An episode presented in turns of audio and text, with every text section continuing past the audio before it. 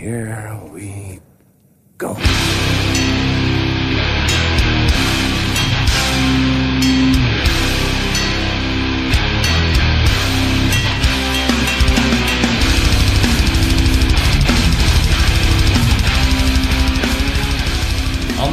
Då säger vi välkomna till avsnitt 97 av Nere på Noll Podcast. Eh, Jag Robin Lindblad sitter här med Danne Nätterdal. Goddagens. Eh, ingen David Olsson den här gången. Eh, men det har att göra med att vi spelar faktiskt in det här avsnittet ganska tätt in på Polen-specialen. Och vi befinner oss just nu faktiskt i Göteborg hemma i mitt kök. För att ta tag i Agnostic Front special. David har ju lämnat VO på grund av sjuk hund. Exakt, eh, rimligt. Eh, och eh, med oss för att eh, dyka ner i Agnostic Front här så har vi Kim Ahl. Välkommen! Tack så mycket. Eh, sjukt kul att du kunde ta dig tid och Ja, kul att vara här. vara med. Eh, och eh, eh, Eh, ja, Kim, du, du har ju ett lite speciell relation till Agnostic Front. Eh, men vi ska komma in på det här. Vi ska först bara börja från början med att eh, fråga dig hur du faktiskt kom in på punk och hardcore. Och med vilket band började det? Var det Agnostic eller? Nej, det var en, när jag åkte skateboard på tidigt 80-tal. Så var det de äldre som gav mixband och polare, storebrorsor och så som gav eh, kassettband man fick spela av. Och då var det ju som, då fanns ju inte skatepunk. Nej. Det var liksom thrash metal, eh, black metal, punk, hardcore, allt möjligt. Just det. Allt, allt som var extremt. Ja, Tyckte man var jättefräck då liksom. Minns du vad det var första du hörde som var liksom... Det kan ju ha varit Slayer, Metallica, Venom, eh, Just det. Dead Kennedys, Misfits, Ja. Chromags lite senare. Okej. Eh, ja. Eh, vi, eh, vi vet ju också att du har varit eh, involverad i vissa band också så här, Kanske bekanta för våran publik, typ Spider Crew och så här. Men vad, vad har du haft för... Eller när kom du in och började spela med, med det bandet? Och, Ja, Spider Crew träffade jag första gången 2001 eh, när jag var på turné med Agnostic Front. Så spelade Okej. de förband. Och jag har alltid halvkänt Sean och Mike, sångaren och gitarristen då. Och sen så jobbade jag för dem på en turné. Och då hoppade basisten av efter tredje spelningen. Så hoppade jag in på bas och spelade bas i ett år. Och sen började jag spela gitarr för dem. Och så just nu sjunger jag, fast nu har jag haft sabbatsår. Ah, Okej. tre år nästan på grund av, eh, eller inte på grund av, jag har fått barn och se- separerat på grund av separationen då. Ja, Så- jag förstår. förstår. Eh, Ja, men det är... Bara för, för de som inte har koll, så Spider Crew är väl Österrike-baser, Österrike-baserat Ja. band. Eh, och vi kollar här diskografin, det är hela sex fullängdare. Mm. Men det är ju ett, eh, ett jävligt grymt band. Alltså, ja, verkligen. eh, lite tuggig old school hardcore kan Ja, man 90, säga. 93, 95 hardcore typ. Eh, ganska europeiskt sound. Mm. Ja, dök ju upp samtidigt som Right Direction, Backfire och hela den svängen så att säga liksom. Tidigt 90-tal. Eller mitten av 90-talet kan man säga.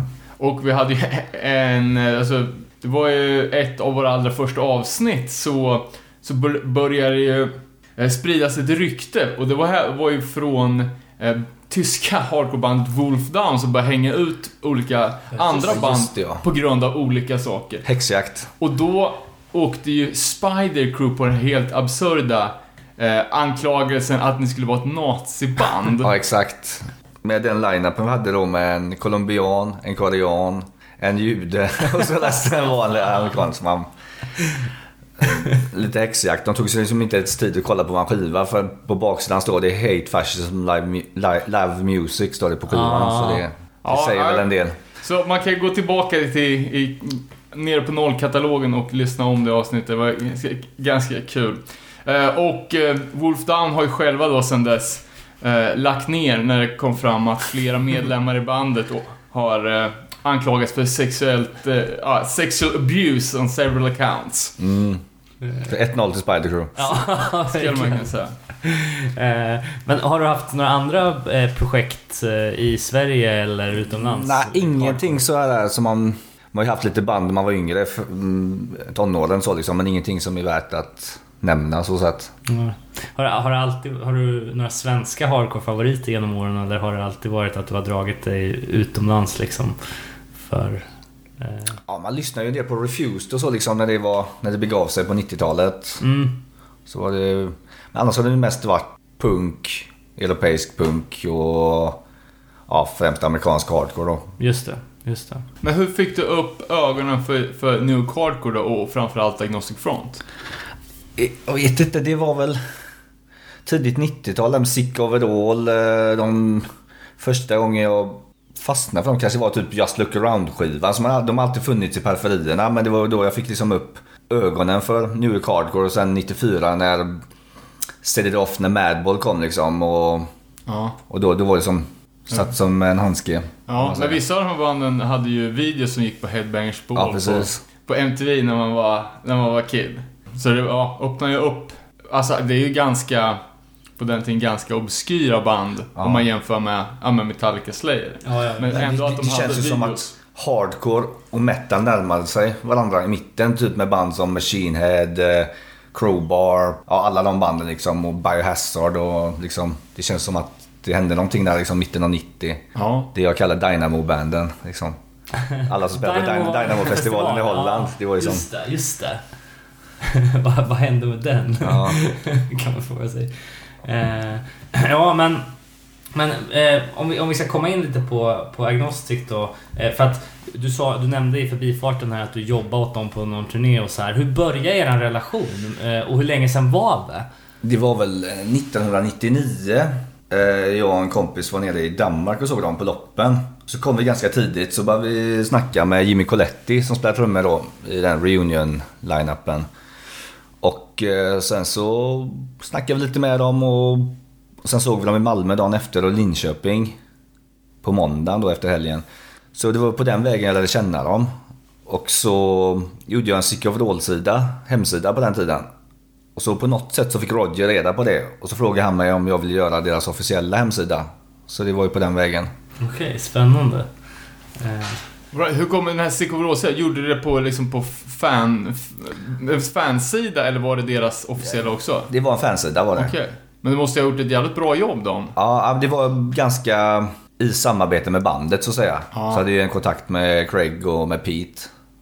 Sidan, Så det var ganska relevant up-to-date information. Så den fungerar nästan lika mycket som deras officiella hemsida kan man säga. Ja, ja, okej. Ja, för det känns, jag tror att Sverige, det här är inte mitt område riktigt, men jag tror att Sverige låg ganska mycket framkant om man jämför med USA med just IT. internet. Ja. Att vi var uppkopplade först och...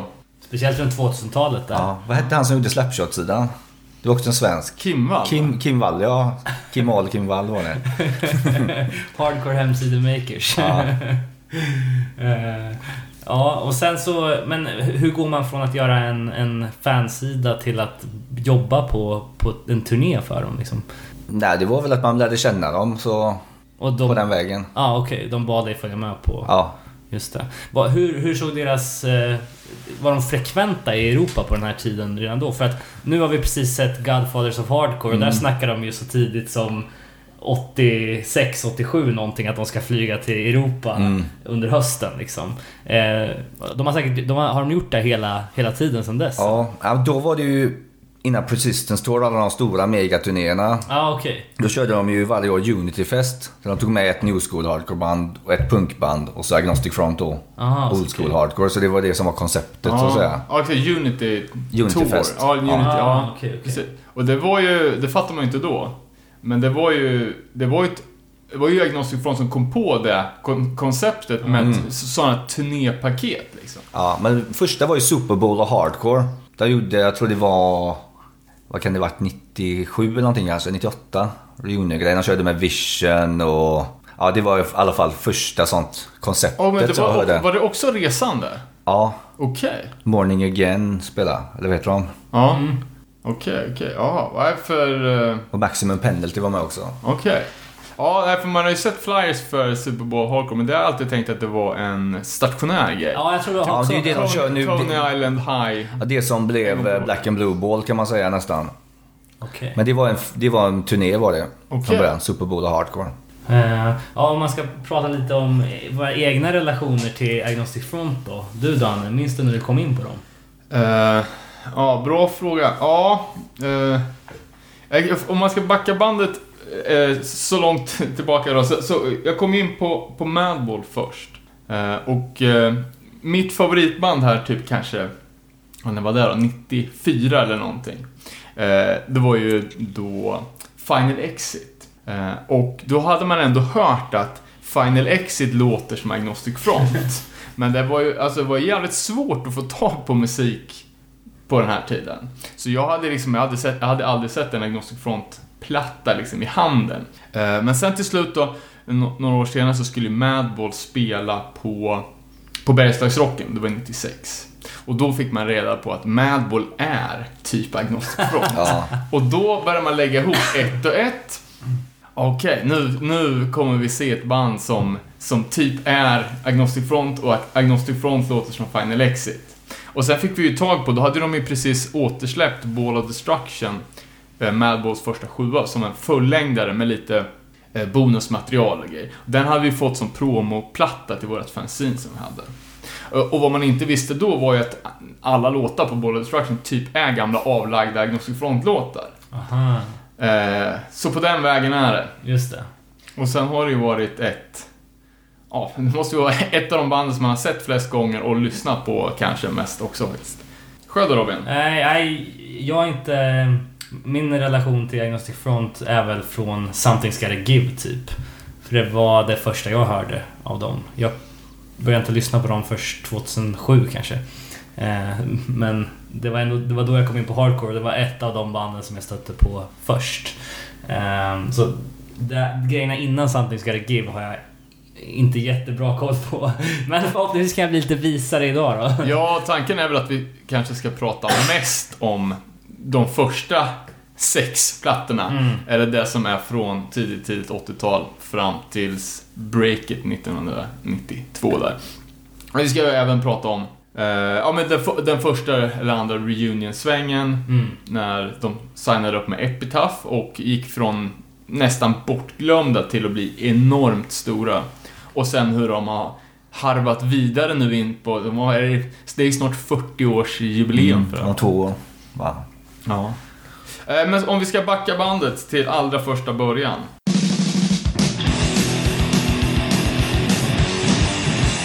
Från den absolut första början då.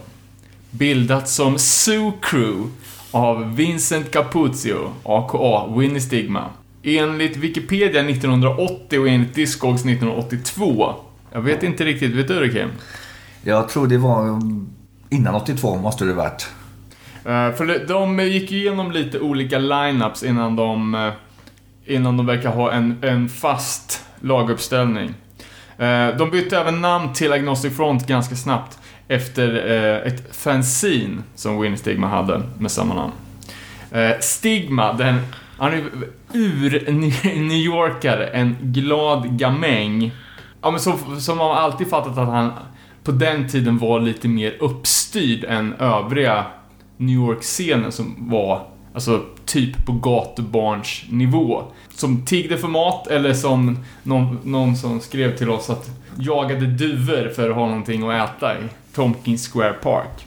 Men Winnie Stigman han bodde i alla fall i en lägenhet. Och ja, eh, om man ska måla upp bilden liksom av New York. På slutet av 70-talet så mycket knark i omlopp, mycket brottslighet. Ja, alltså det, det, det blev... Det var ju någon typ av depression för ganska över en natt så försvann 25% av alla, alla working class jobb. Och eh, vad man har sett på, på gamla klipp liksom att det blev ju på en gång liksom nästan en spökstad på Ser vissa ut som. Warszawa 1945 nästan, vissa Ja, kvarter. Just det. ut, urbo, urbombade hus och liksom hela, hela kvarter som var tomt på vanligt Mm. folk. Eh, Och de snackar ju om Alphabet City. Just Eh, och det är de olika avenyerna från A till D, där A var adventurous.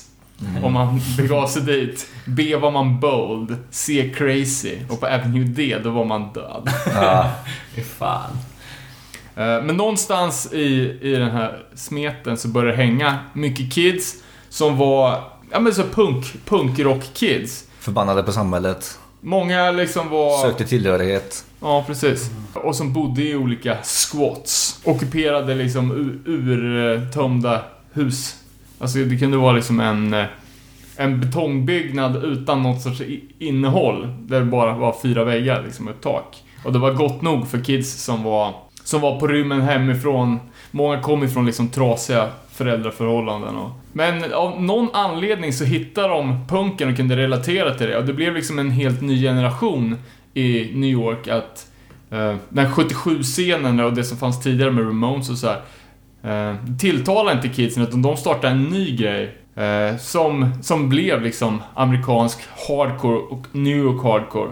Och i den här klicken så var ju Winnie Stigma en av ja, men de, de tidigaste och de drivande. Eh, och Winnie Stigma har ju själv beskrivit sig som, som den första punkaren i New York. Mm. Så han verkar ju ha varit där väl, alltså från, från dag ett. Mm. Ja, New York City då. Inte som The Burbs liksom. Inte som... Eh, Nej, jag, jag, jag, jag tror att när, när Winnie Stigma snackar om New York, då är det ju... New York City. Ja, då är det Manhattan. Det är inte, det är inte en meter nej, utanför. nej, Verkligen.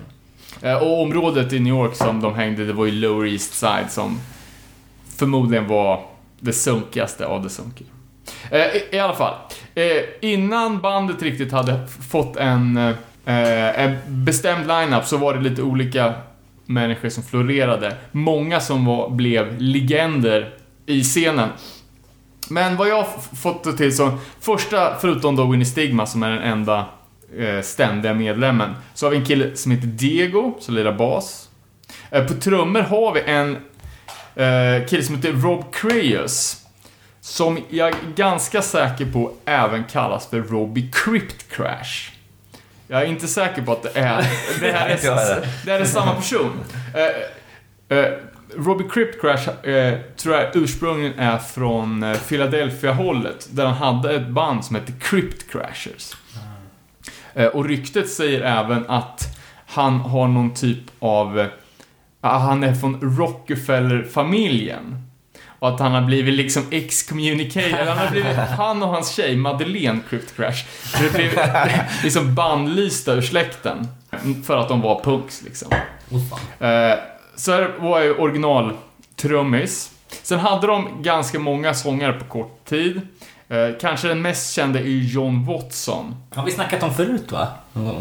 Det kan vara i krishna avsnittet Han var ju Ah. en av de första som, som anammade den, eh, den filosofin. Eh, och han, han var väl lite mer om, så att den övriga, övriga gänget var mer skinheads. Så var ju John Watson lite mer peace punk, fredlig punkare. Och han gillar inte riktigt det här, alltså den mer eh, tough guy-stilen, den våldsamma. Så att han kände att han ville ville dra sig ur bandet. Eh, Det finns en enda inspelning med, med honom eh, från ett live-gig. Men det finns inget släppt material med honom. Eh, sen åkte John Watson in på Rikers Island av någon anledning. Eh, och då plockade de tillfället in Keith eh, från Cause for Alarm. Men eh, förlåt. Han var alltså... Han tyckte att Agnostic Front var för ruffigt. Ja. Och så åker han själv in på Rikers under Rikers heyday typ. Ja, 80-talet när ja, men som värsta liksom. Så det kan man väl säga liksom att där är ungefär där ribban är på ruffighet. Eh, sen hade de även en kille som heter Jimmy the Russian. Som sjöng och även en som heter James Contra. Eh, James Contra spelade senare i ett band som heter Virus. Är det något som ni har hört? Yes. Det är jävligt bra. De släppte en tolva på, på Rat Cage Records. Eh, det är sjukt... Det är jättebra produktion, och det, men det är en helt annan musikalisk vibe än det klassiska New York-soundet. Det här låter jävligt mycket engelskt. Det är nästan så att det är lite cockney-dialekt på det. Jaha. Men klart värt att kolla upp. eh, eh, Virus. Tror tolvan heter Dark Ages, om jag inte minns fel.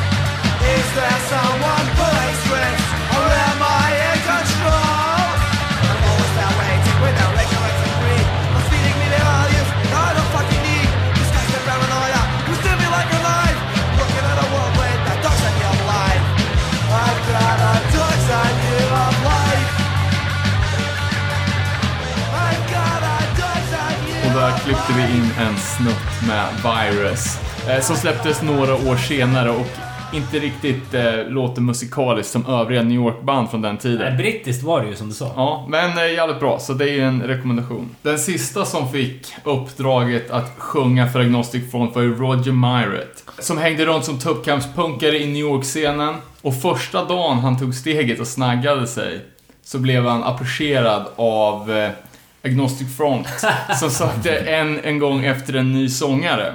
Eh, Roger lirade ju innan i bandet Psychos. Är han från Kuba eller? Eh, ja, precis. Eh, de immigrerade från, från, eh, från Kuba. Eh, de säger det i eh, Godfathers och Hardcore. Det var under ganska spartanska förhållanden. Han var i, i, med sin mamma som hade tre barn vid 19 års ålder när de stack från Kuba. Jävlar. Eh, och med en styvfar som var våldsam. Så han hade ju, han hade ju hårt, en hård upbringing. Men alltså, som började spela bas i alla fall med bandet Psychos. Eh, Psychos släppte bara en enda demokassett. Men som är jävligt bra. Och det är skumt att de inte har fått mer uppsving. Nu, Med tanke på att det är Billy Milano med. Från MOD och SOD. Ja, ja precis. Eh, och Roger från, från Agnostic liksom. Det här borde ju vara reissue-varning på. Absolut. Och det är jävligt bra låtar också. Men Kim, du sa att han fortfarande inte var amerikansk medborgare sen sin... Ja, fram till mitten av 2000-talet i alla fall var han inte det. Okej. Så han var tvungen att söka separat uppehållstillstånd i alla länder han skulle turnera i. Och, eh, jag tror det har att göra med att han har suttit i fängelse. Så det är ju svårt för han att få medborgarskap. Okej, Jag ja, har det sökt det blir- flera gånger. Ja, det är ett jävla trassel med, med att resa ut och in i USA. Eh, kul stories från, eh, från bandet Psychos då. Eh, Stu, som jag för mig lirar gitarr va, han eh, hade inga tänder. Och när de giggar och repade så brukar han lägga lösgaddarna på gitarrstärken så att de bara vibrerar uppe på. Stu åkte sen in i fängelset eh, som The Axman of Brooklyn när han med en sån här brandyxa gick upp och hotade randoms på gatan. Men Roger själv sa att han var lite tveksam till att, att gå med i, i AF. För även om Psychos var lite nuts, så Agnostic Front, de var helt crazy. Men vad fan, det var ju så kul för du sa ju där Kim, typ... eh, Man såg ett sliding door scenario där för han... han eller var det du som sa det? Var du som sa det? Danne? Att han blev approcherad av även ett annat band innan... Ja, Chromags. Ja, det var så. Eh, Harley ville att han skulle sjunga för Chromags. Ja, alltså Roger spelade ju bas för Chromax på deras allra första gig. Jaha, okej. När de hade Erik Casanova på sång. Och sen så, det var ju, var ju något år senare så, så fick han ju erbjudandet om, om att sjunga för, för Chromax. Det var ju innan, innan H.O. Core. Yes. Så det hade ju blivit, det hade ju kunnat låta lite annorlunda. Ja, verkligen. Eh, och Roger säger själv i New Cork-dokumentären bland annat att Agnostic Front var bandet som i början som folk skrattade åt för att de var, de var ganska kassa på att spela och de, hade, de var lite ökända för att de inte kunde spela klart sina egna låtar. Eh, Winnie Stigma rekryterar ju bara folk till bandet som var bra i pitten. Det spelade liksom inte så stor roll om man var duktig på sitt instrument eller så, utan bara man var den galnaste morsaren. Eh, så då, eh, när Agnostic gjorde sina tidiga gigs så kunde de nästan aldrig slutföra en låt med alla man på scen. Utan det var alltid någon som hade slängt basen och hoppat ner i pitten. Ja, och det, det... Jag vet inte om... om det, om man pratar om kritik mot Agnostic Front så är det väl just eh, många som nämner första eh, United Blood-släppet just musikaliskt om man tänker på eh, trummandet där då. Eh, men vi kanske kommer till det. Ja, alltså jag vet inte. Det finns ju eh, inspelningar innan bandets första sjua, United Blood. Eh, ja, de är släppta på, på eh, CD som kom på 90-talet. Som heter... Raw Unleashed. Raw Unleashed, ja. En 63-låtar CD med mycket primitiv hardcore. Eh, Men jag vet inte om de släppte någon officiell demo. Det kan jag inte svära på. Nej, för jag, jag har aldrig sett någon. Men Rogers säger ju i, i någon intervju att de bör, när de började repa, de repade först i någon någon, som de beskrev sig som en fängelsehåla, en källare, där man alltid stängde dörren utifrån. Det var typ något skyddsrum. Jaha. Eh, och det var knappt någon belysning och inga fönster, utan där var de bara och kötta liksom. Eh, men sen började de repa i ett ställe som heter Demo Demo, som drevs av en kille som heter Don Fury. Eh, som senare blev eh, New York Hardcores eh, producent och inspelare eh, som har gjort allt från, från New York i princip. När man repade då, för eh, Demo Demo var en, eh, ett typ en replokal slash studio. Och eh, i USA så har man ju inte så här fasta replokaler utan då hyr man ju in sig på timma. Eh, och då fick man, om man tog med sig ett eget kassettband så fick man sitt rep med sig inspelat. Eh, och då innan eh, United Blood så, så fanns en, en, ett par sådana replokalsinspelningar. Eh, som de delade ut till sina närmsta polare för typ feedback liksom. Ja, Just hur de skulle, hur de skulle förbättras. Eh, och på, på den här Raw Unleashed, eh, som senare släpptes på vinyl här för inte så länge sedan, under namnet No Rules.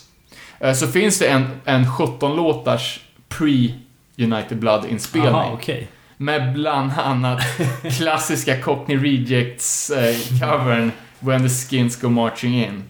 Eh, och även Animals cover Jaha. It's My Life. En låt som har hängt med både Madball och eh, Agnostic Front. Mm.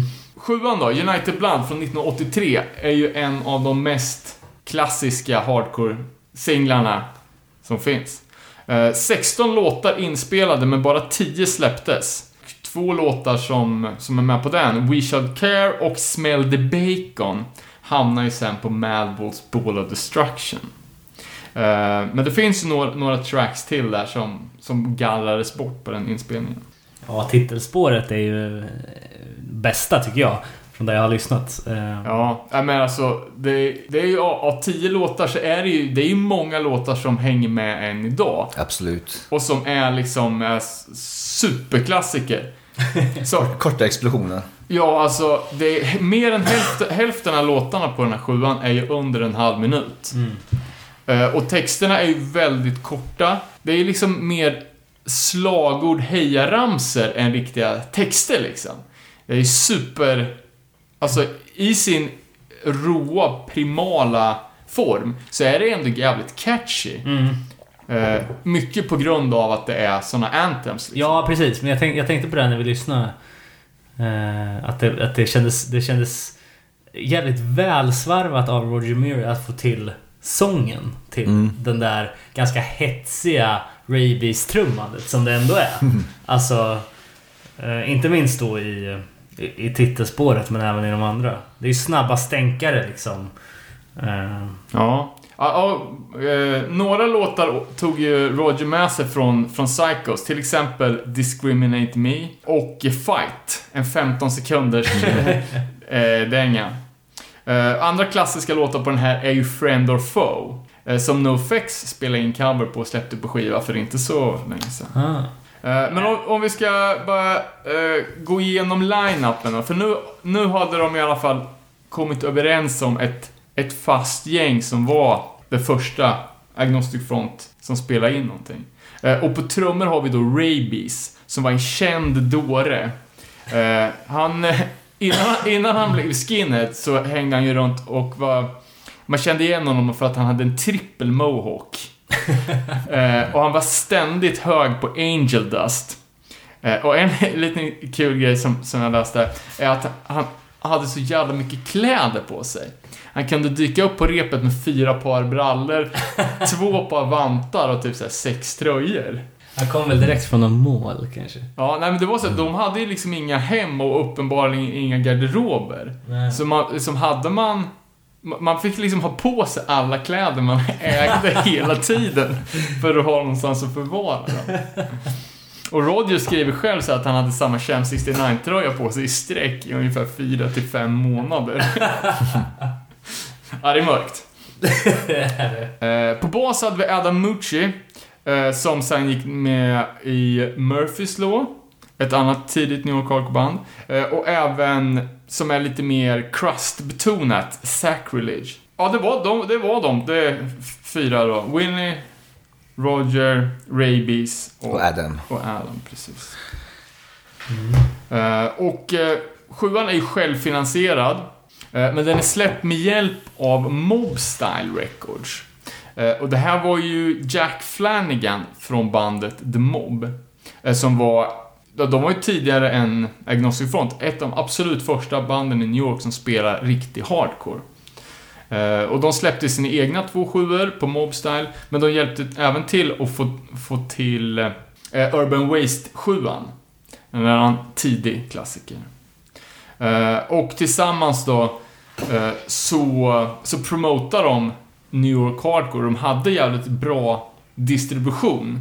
Eh, sjuan gjordes i 500x och Mobstyle distribuerade 300 av dem runt, runt om hela USA. Eh, och 100x såldes på den lokala skivbutiken Rat Cage Records. Eh, som var en hardcore-butik i, i New York, eller en skivbutik som bara hade amerikansk hardcore. Jävlar, tidigt att ha en sån specialiserad butik. Ja, visst. Och det blev ju även ett skivbolag sen. Rat Cage, som även var ett skivbolag, eh, som släppte massa klassiska, typ första Beastie Boys 7 Agnostic Fronts kommande LP, eh, och finska Rattus, lite otippat, eh, Heart Attack och, och en massa andra goa grejer. Fan, det är intressant hur ett finskt band når till New York på 80-talet sådär. Ja, visst. Ja, det var ju 84. Det är ju... Jag tror det har lite med... med att jag tror de var med på eh, Peace War-samlingen. Eh, International Hardcore Benefit LP. Eller Okej. dubbel-LP.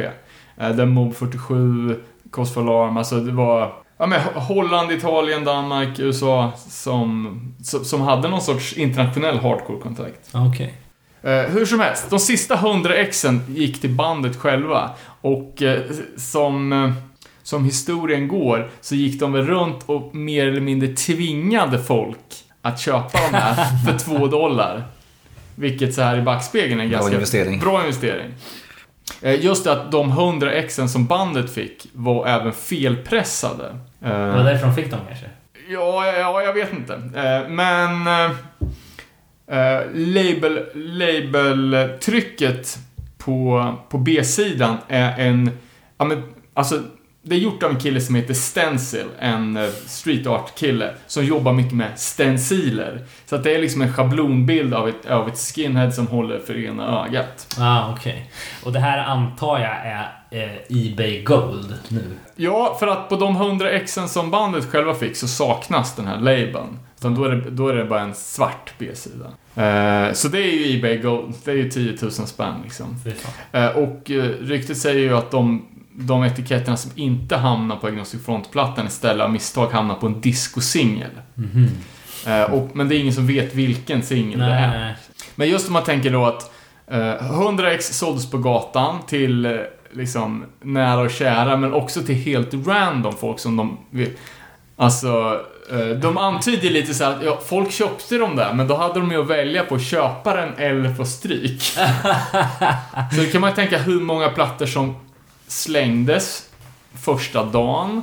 Alltså, Agnostic Front var ju ett extremt band rent musikaliskt. Alltså, och det var ett band som var jävligt okänt på den här tiden, så det var liksom ingen som inte var inne på hardcore, vilket var en väldigt liten krets, som var intresserad av det här. Nej. Så hur många finns kvar liksom? Är det, är det alla utom tio som åkte i papperskorgen liksom runt hörnet? Det kommer väl någon artikel snart att någon har grävt fram ett ex ur någon låda på vinden. Det, det, ja. Det är väl nästan som att man går förbi någon gatukonstnär och så köper man någonting utan att tänka och så är det Banksy liksom. Eller något sånt. Alltså samma... Ja, Alltså, jo, jo, jo precis. Och den eh, jävligt, jävligt primitiv, jag tror de, eh, de vek och tejpade ihop omslagen själva. Hemma hos Vinnie Stigma. Eh, Och det är också ett jävla sätt att tejpa. Vem, vem, gör, vem tejpar ihop sina skivomslag liksom? Eh, utan någon insert eller texthäfte. Eh, Alex Brown, Rest in Peace, och Porcell gav ju senare ut United Blood texthäftet i sitt fanzine. Schism nummer 7. Och sjuan är dedikerad till John Nordqvist, Rest in Peace. Eh, någon som ni vet vem det är? Eh, det låter ju onekligen svensk-klingande. Mm. Men antar att det var någon, någon, eh, någon kid från scenen. Ja, exakt. Med svenska rötter, säkerligen. Och jag, vet, jag är inte kapabel att- bedöma det här. Men alltså, när man läser om den här sjuan så är det ju så, det står ju på nästan alla ställen att de var så ruttna på att spela. Och speciellt då stackars Rabies. Och att de liksom mörkade lite att de inte kunde spela genom att till exempel ha extremt mycket fills på trummorna. Eh, ni som, ja, du Kim spelar gitarr, eh, Robin trummor. Vad, vad, vad säger ni rent hantverksmässigt? Hellre än väl, tänker jag. Men det är ju, ja, Ja. Men det är ju en del av charmen liksom, det är ju också. 100% dedikation i det. Det kan man inte ta ifrån dem. Ja, verkligen. Eh, och ska man säga någonting om Ravis trumspel så är det väl lite som Ravis personlighet var på den tiden. Kaos. Känns det ju som. ja, men det är ingenting som, som gör att man inte vill lyssna på United Blood idag. I hur eh, väl de behandlar sina instrument. Liksom. Nej. För känslan finns ju fortfarande där. Ja, det den, märkte vi ju. nu. den är ju fan 100% alltså. Ja, Eh, så att det spelar liksom ingen roll om det hade gjorts eh, eh, halvhjärtat eller liksom för att tjäna pengar eller ja, vad fan. Så tidigt gör man inte det för att tjäna pengar men ni fattar liksom. Då hade, Ja, det, ju, då hade det ju varit ett större problem för, för en själv. Känns det som.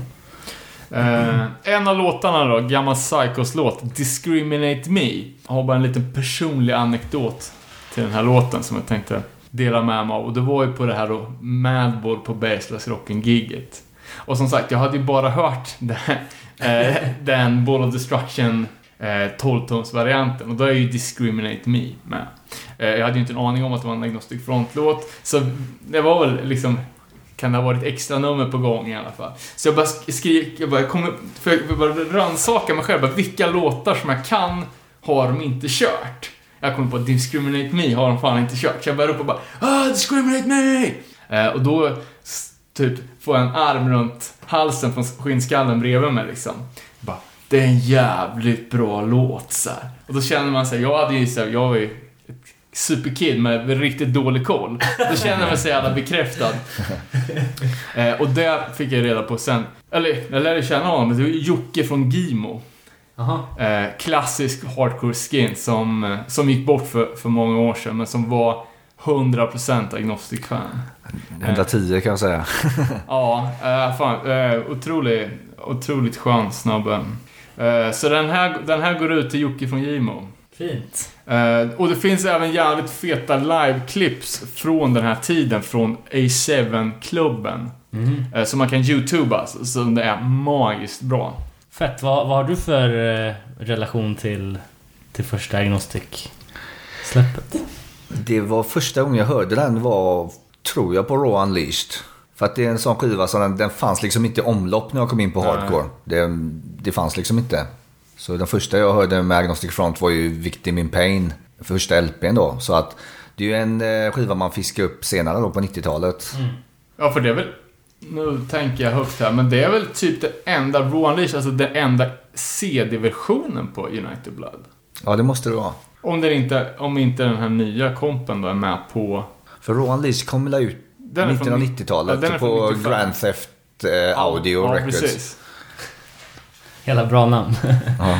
Ja, det, det kan ju vara så att på någon CD-version så finns eh, United Blood med som någon sorts bonus tracks. Jag ska inte säga det. Eh, Last Warning, liveskivan från Okej. CBGBs. Tror jag United Blood är med som eh, bonusmaterial Okej. på CD-versionen. Ja, ja, men som sagt, det var ju svår, eh, svåråtkomliga Men den kom ju också ut på mitten av 90-talet. Den kom ut, gigget var 93. Ja. Sen kom ut 93, 94. Eh, ja, vad, vad är nästa? Näst på tapeten då är ju första fullängdaren Victim in Pain. Eh, och vi fick ju frågan på vägen hit liksom, vilken, vilken agnostikplatta ska man kolla upp om man inte har om man har noll koll. Och någonstans, liksom, nu har vi lyssnat jävligt mycket på agnostik senaste veckan liksom.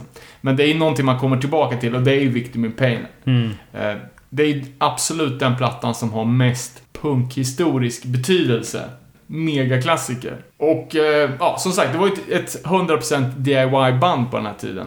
Och för att ha råd och spela in hos Don Fury, som säkert var ganska billig, så hade de i alla fall ett benefit-gig på CBGBs. Eh, som Det känns som att det nästan var nyöppnat då. Eller i alla fall för hardcore. Nej, i och för sig. De har funnits sedan 70-talet. Mm. Nej, men det är i alla fall när hardcore kidsen börjar hänga på CBGBs istället för A7-klubben. Ja, just det. Eh, men det är också så här benefit-gig för att vi ska ha råd att spela in en, en platta. Nu gör man Kickstarters istället. Eh, Lex MXPX som vi pratade om för några avsnitt sedan. Eh, men det är ju, eh, alltså, det är ju jävligt mycket tidlösa klassiker. Eh, alltså, titelspåret såklart. Eh, United and Strong. Och Power, en av de bättre låtarna. Som, den var ju också med på, på United Blood, men det är en gammal Eliminators-låt. Eh, det här var ju alltså Winnie Stigmas band som han hade från början. Och hans punkband. Ja. eh, jag har aldrig hört, men jag har aldrig sett några skivor heller. Vet du Kim om det, om det finns något inspelat? Inte vad jag vet. Jag har aldrig hört dem faktiskt. Jag Mm. frågar Winnie någon gång men det är högst oklart om det finns någonting. Ja, nej, för det pratas ju om, eh, alltså, väldigt mycket om det här bandet. Men det finns ju väldigt lite dokumenterat. Mm. Annars borde man ju ha, jag vet inte ens om jag har sett en flyer liksom för någon spelning. Nej, okej. Eh, Ja. Ja, nej. Ebay Gold. Verkligen. Men det märks ju att, eller i alla fall min känsla av Victim in Pain är ju att de har uppat det musikaliskt. Liksom jämfört med United Blood. Alltså, Ja, det är några pinnhål upp. ja, och att de hittar sitt sound Ja, liksom. och just lyckas fånga frustrationen och energin Exakt. på ett helt annat sätt. Ja, och även textmässigt. Alltså det är fortfarande väldigt mycket slogans och hejaramsor. Eh, och eh, eh, Roger som var ny i Agnostic på United Blood skrev ju inga texter. Det var ju Winnie Stigmans texter. Mm. Men nu har ju Roger för det mesta skrivit texterna och liksom... Ja, han säger ju ganska många ställen att typ United Blood-texterna makes no sense. Jag fattar inte vad... Eh, I'm a skin, you're a skin, where have you been? Ja. Men att ja, det här är mer välarbetat och det kändes väl som att de var redo för att steppa upp sitt game lite. Eh, Och innan det var dags att spela in så blev det ju några sista minuten byten av medlemmarna. Winnie som var ensam gitarrist på den här tiden, trots att han då misstänks för att inte kunna spela gitarr, lyckades i alla fall spela in en, eh, det måste ju fan vara en topp 10 hardcore-klassiker genom tiderna. Eh, Men tillsammans med Roger då. Men den första då som, som fick stryka på foten var ju trummisen Rabies. Eh, Enligt Roger då, så var det två anledningar. Och ett, att han inte kunde spela för fem öre. Eh, och att det liksom inte funkade när bandet ville, ville satsa. Eh, och två var att han var så ah, ständigt fuckad på PCP. Och att han liksom inte ens försökte spela. Eh, enligt Rabies själv berodde det här på att han var tvungen att åka till Maine för att plocka blåbär. Undrar vad han ska tro på. uh, Rabies tog det här jävligt hårt. Uh, och var på väg att ta livet av sig. Han och Roger bodde ju tillsammans i Apartment X. Som var ett, ett squat där, ja men stora delar av New York hardcore-scenen. Eh, ja, där de bodde helt enkelt. Ja, det finns ju sjukt eh, häftiga fotografier från den här tiden i den här Godfathers of Hardcore-dokumentären. Och också hur de så här eh, detaljerar kring hur de levde, liksom att de var ute på stan på dagarna för att få ihop till, till brödfödan, liksom Ja. genom att eh, tigga eller sälja grejer eller så här. Stora pastakok för hela veckan och Ja, Ja, också som, som kommer fram i, i böckerna så att, de, att det knarkades så jävla mycket. Och mycket liksom att det var inte kanske röka på lite på kvällen utan det var så stenhårt med syra hela dagen och att det var och jävlar. ja, jävligt mycket drugs. Eh, ja, hur som helst så Rabies hade en pistol och drog ner till, till vattnet där han satt och deppa och Roger sökte upp honom liksom och försökte ja, mildra smällen liksom och förklara för honom bara men med din karisma så ska ju du, du ska ju vara frontman i ett band. Du ska ju inte spela trummor, du ska ju sjunga liksom. Eh, och eh, då kickar de liksom, eller så här, eh, försökte de få igång att de skulle göra ett, ett nytt projekt ihop. Eh, och tillsammans med Rogers kusin Tito eh, på gitarr, med Roger på bas eh, och tillsammans med kompisen Tommy Rat så startar de bandet Verbal Abuse. Som ganska snabbt bytte namn till Rat Poison och som sen bytte namn till Warzone. Eh, och eh, Tommy Rat hanterar micken för Rabies var fortfarande inte bekväm nog med att lämna trummorna. Eh, men efter ett tag så när när Tommy Rat inte ville vara vara med längre så då blev ju... Ja, då fick Rabies steppa upp och ta micken helt enkelt. Och blev väl, ja, världens bästa hardcoreband. Nästan även. typ. Verkligen.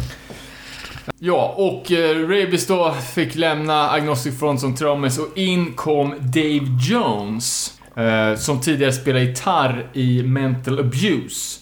Eh, New York slash New Jersey band som har släppt en jävligt eh, klassisk LP, Streets of Filth.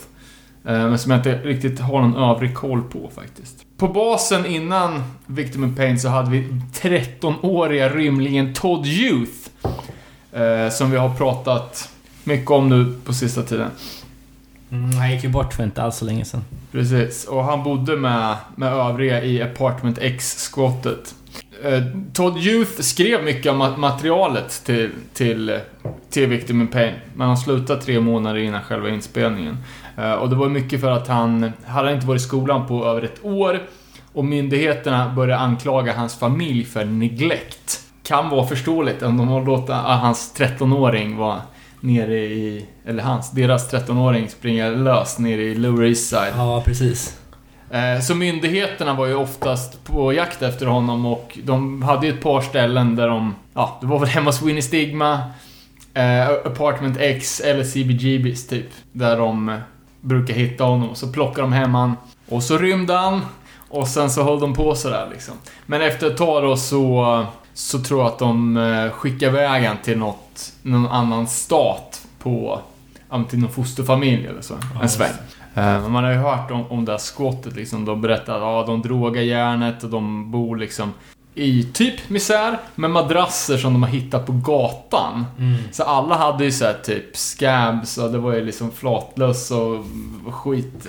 Och, ja, det verkar jävligt risigt där.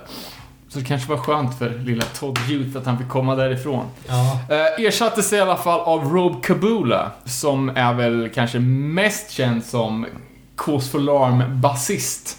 Plattan spelas då in eh, hos Don Fury igen. De hade hyrt någon porta typ för en vecka men var klar på, på bara tre dagar. Och allt liksom United Blood spelades in live. Inget jävla trams. Det var bara att trycka på, på rec och spela.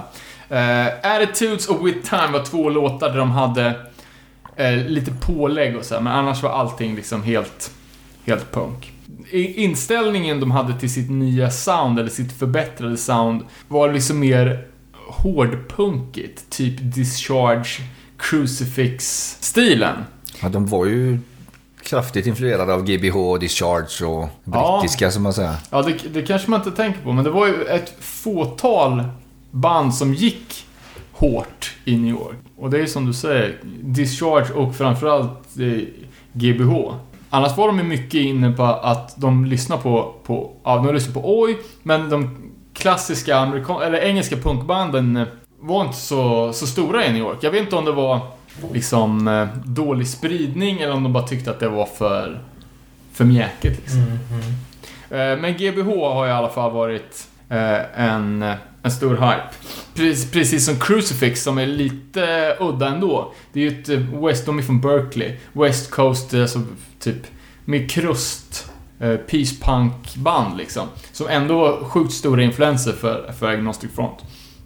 Och de giggar mycket ihop och det finns ju en jävligt klassisk eh, affisch. Jag, vet, jag kommer inte ihåg vad han heter som sjunger i, i Crucifix.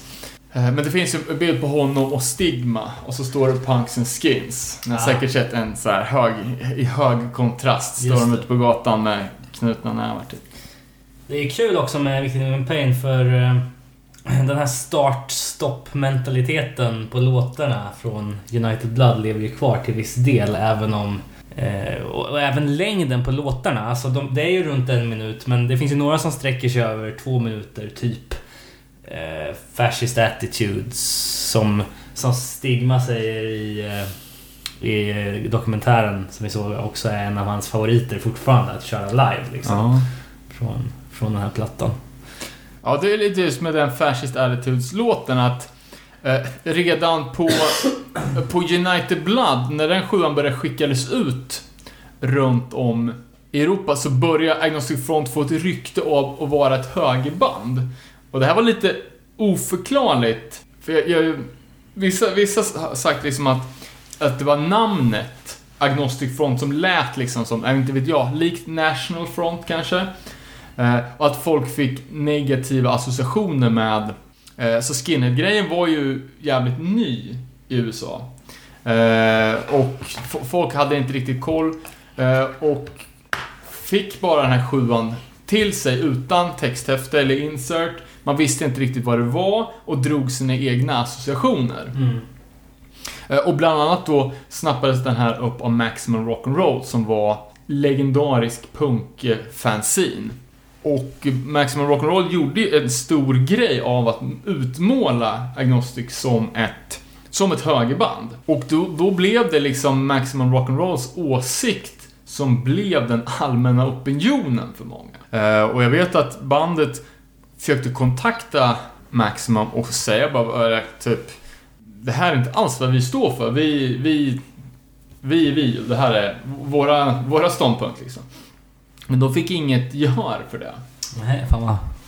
Ja. Men nej, det är återigen då att folk har bestämt sig för att saker är på ett specifikt sätt och sen... Det känns ju lite som att Maximum Rock'n'Roll alltid har haft någon slags biff med New York. ja, men jag tror att det var lite Det där där det började. Ja. ja. För att innan Agnostic och vissa andra tidiga band så var ju det en helt annan scen. Det var väldigt artsy, det var alltså eh, inte kvinnodominerad, men det var i all- i alla fall inte så, så grabbigt.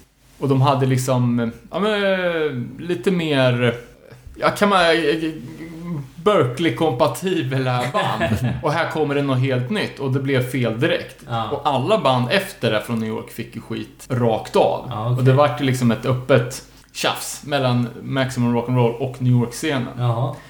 Och jag tror Fas- Fascist Attitudes eh, är liksom att eh, Agnostic Front eh, säger liksom till Maximum Rock'n'Roll, så uppfattar jag det i alla Ja, fall. det är ett statement kan man säga. Ja, att ni, ni har fascistattityder mot band som... Så vi predikar för unity and peace. Och ni lägger... Alltså ni pekar fingret åt oss för någonting som, som inte stämmer. Just det, just det. Eh, och Roger säger själv i sin, sin bok liksom bara, jag fattar inte var de fick det för vi hade ju låtar, alltså United and Strong Black and White, typ supertydlig refräng liksom. Roger själv som, som, som invandrare, som latino från, från Kuba, och sen att han var tillsammans på den tiden då med, med Amy Kim, som sjöng för Nausea, som var eh, the most left-wing band in New York. Alltså klassiskt New York crustband. Ja. Eh, så jag vet inte riktigt hur den... Hur det här började liksom. Nej, precis. Men sen skulle jag säga att Agnostic Front har ju alltid haft som jävla förkärlek till amerikanska flaggan. De har ju kört my- mycket med, förutom skinhead-stilen, så jävligt mycket camo och så. Ja, exakt. Men jag har aldrig liksom upplevt något sånt i, i deras texter. Utan snarare den, det, det påstådda och att folk som, som kanske är höger har anammat Agnostic därför. Precis. Så att de bara, men det här är vårt band, de är, de är sketchy liksom. Ja, vad har vi liksom den allmänna vibben på Victim in Pain då? En milstolpe inom hardcore. Skulle jag kunna säga. Ja. Eh, jag tycker liksom ljudmässigt är ju... Jag tycker det är lite vassare ljud. Alltså United Blood är ändå ganska mörrigt och, runt Ja, ja, verkligen. Här blir det lite vassare och skitigare. Ja, och vad fan, jag kunde knappt tro när jag hörde det när du sa att de hade spelat in det one take. Uh, one take vet jag Eller, inte, men det är väl liksom live. live, så att säga. Med tanke på kvaliteten på, på produkten. Ja. Och Don Fury var ju en färsking i sammanhanget. Eh, United Blood var ju det absolut första hardcore han spelade in. Jaha, okej. Eh, och jag tror nog att uh, Victim in Pain var ju en av de första också, att han inte hade gjort så mycket emellan. Lyckas jag ändå få till ett... Alltså det är ju rått som fan, men det är ändå ett klart och Du hör ju tydligt allting. Alltså det är inte mycket, det är inte överdistat. Nej, nej, nej. Speciellt inte på United Blood liksom. Och jävligt snygg utgåva med gatefolden med bilderna och... Ja, sig, Det kan vara en anledning till att de fått nazistanklagelse. Omslaget. det är sant. Omslaget, alltså eh, United Blood har ju släppts... Nej. Eh, Victim in Pain har ju släppts i flera olika utgåvor genom, genom åren. Eh, original eh, omslaget var ju tänkt eh, ett live-foto från, från CBGBs tror jag. Eh, men av någon anledning så, så blev det inte så, utan istället togs ett eh, foto från en krigsbok om andra världskriget, där en naziofficer skjuter ner en, eh, en man, en judisk man, ner, rakt ner i en massgrav. Nackskott. Och liksom, det är ju, alltså, eh, finns det något mer klassiskt punkomslag än att ta ett krigsfoto? Liksom, det är ju in- ingen som, som eh, liksom eh, säger att bandet tycker att det här är bra bara för att ett krigsfoto är Nej, på, på precis. bilden. Eh, På baksidan är ju även en, en man som är hängd i en lyktstolpe och det är också så klassisk fascistisk utrensningsmetod. Ja.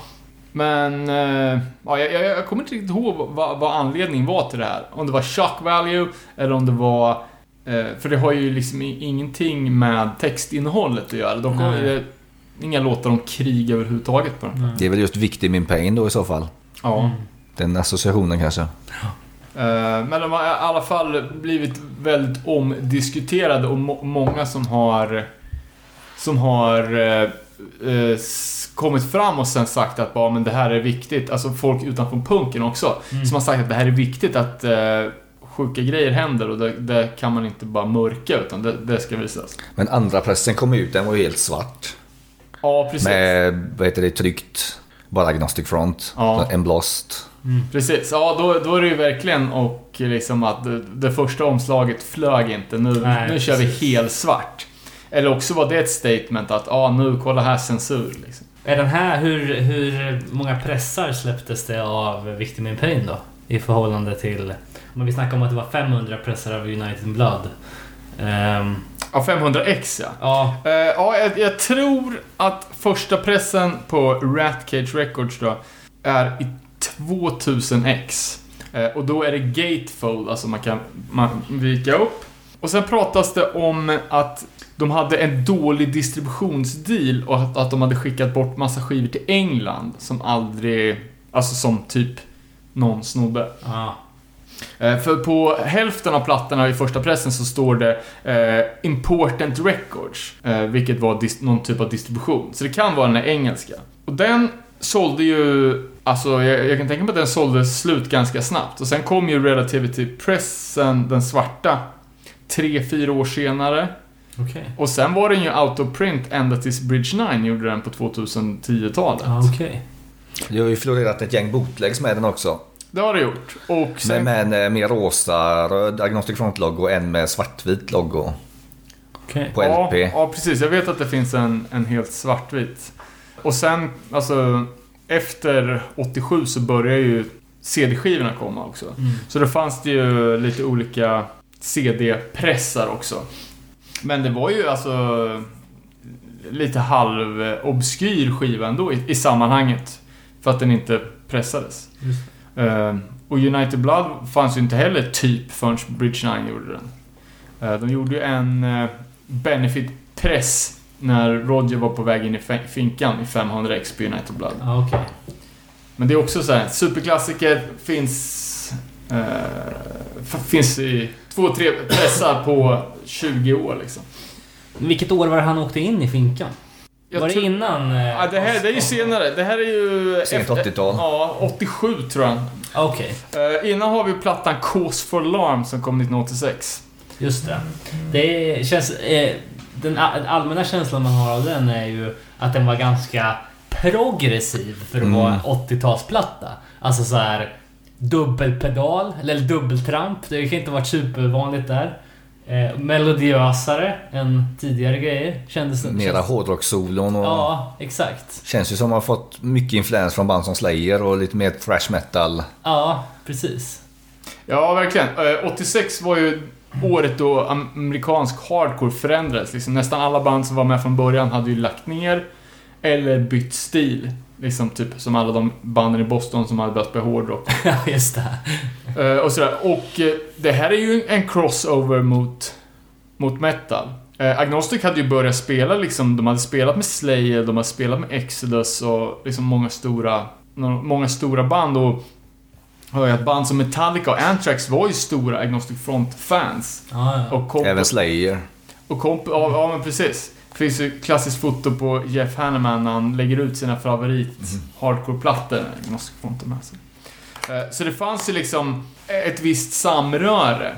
Det var ju jävligt många ur hardcore-scenen som inte gillade. De vill ju ha sin hardcore hardcore. Ja, ja. Och definitivt inga långhåriga. Det var ju liksom så att eh, Kommer du på spelningen med pudelfrilla, då är det ju stryk. Trummisen i Billy Club Sandwich är inte nöjd, men ja. Ja, nej, men det här var ju det var några år innan. Men jag hörde faktiskt eh, bara för någon vecka sedan eh, Scott Ian från, från Anthrax, som var ett av de få thrashbanden på östkusten. Sa det bara, vi älskar Agnostic Front, men vi vågar ju inte gå på gigsen. Men så en dag så, så bestämde vi oss bara, ja, nu drar vi till CBGBs. Och får vi, om, om folk ska spöa oss, då kutar vi bara därifrån. Vi tar chansen. Ja, det finns ju en klassisk bild eh, när Scott Ian står vid sidan av scenen. Ja, CBGBs. längst fram. Ja, Sticker ut lite i mängden. verkligen. Han har också skrivit en sån här blurb på baksidan av boken om Roger Murrett. Eh, Alltså en sån här, Ja. det här är en bra bok, läs den, typ. Nej men precis. Och när Scott och hans polare kom till CBGBs så kom eh, Billy Milano fram. Eh, Billy som då spelar med, med Psychos eh, och hade väl någon, någon typ av eh, pondus i hardcore-scenen. Han liksom välkomnade de här utbölningarna till giget för att han, han gillar väl Anthrax. Eh, och bjöd in dem att träffa för Agnostic Front och då fick de liksom sitt seal of approval. Att ja, de här, är- de här är nere med Agnostic och då, då är de okej. Och då blev det liksom mer korsbefruktning i New York. Eh, Och det här tror jag var strax innan Cause for Alarm. Och Anthrax har också kört med New York Hardcore-loggon. Krysset Ja, med precis. NUHC. Och det har vi snack, Aha, snack, ja, men det har vi snackat om förut, att Anthrax försökte copyrighta den. Jaha. Eh, och det, det- ja, det var ju mycket tjafs om det. Eh, bland annat skrev ju Hoja i någon, någon, någon bok så här, att typ så här, 10 reasons why eh, Anthrax is not a new hardcore band. Och då var det ju så här typ Losing your hair does not make you skinhead. och så här, lite så här roliga punches. Men i alla fall, som sig bör då inför en ny Agnostic-platta så är det ju ny lineup. Eh, Rob Kabula från Cause for Lawn är kvar. Eh, men på andra gitarr nu så har de tagit in en kille som heter Alex Keenan, Big Al. Eh, och i och med det så har alla medlemmar, originalmedlemmar i Cause for Alarm spelat i Agnostic Front. Alex spelar ju även med, eh, med Rabies och company i Skinhead Youth. Eh, och på trummor så tog de in en kille som heter Louie från Brooklyn-bandet Carnivore. Eh, och det här var ju också ett cross, crossover-band som kom ner från, från metal och började flörta med hardcore. Eh, och även sångaren Peter Steele började... Eh, de var lite... Innan inspelningen av eh, Cause for Long så var det lite... Det kändes som att det började brinna lite i knutarna. Direkt efter Victim in Pain så fick de ett erbjudande om att signa på Combat Records. Combat Records är ett underbolag till Relativity. Som jag är lite osäker på hur, hur major det är. Men jag vet att de släppte New York hiphop. Och så typ, jag tror Run DMC till exempel. Så det är ett ganska stort bolag. Som då startade Combat Records. Där de började släppa thrash. Typ, fan heter de? Eh, Game Over-plattan. Eh, från New York. Nuclear Assault. Nuclear Assault, precis. Och lite sådana band. Creator säkert också. Och under det bolaget så bildar de även Combat Core. Som börjar släppa mer hardcore-grejer. Och ja, det börjar dra ihop sig till en riktigt seriös inspelning. Och eh, vad eh, Steven Blush skriver i alla fall i American Hardcore-boken, så här, det var en kombination av lathet, knark och idétorka. Så det var, det var lite, lite kris i bandet låtmässigt innan de spelade in. Sen visade det sig att eh, Cause for var ju länge den plattan som, som till slut sålde bäst i alla fall. Eh, men då märks det också på att folk utifrån eh, börjar få inverkan på bandet. Peter Steele till exempel skrev låtarna till, eller skrev texterna till 4, 5, 6 låtar. Men är det typo...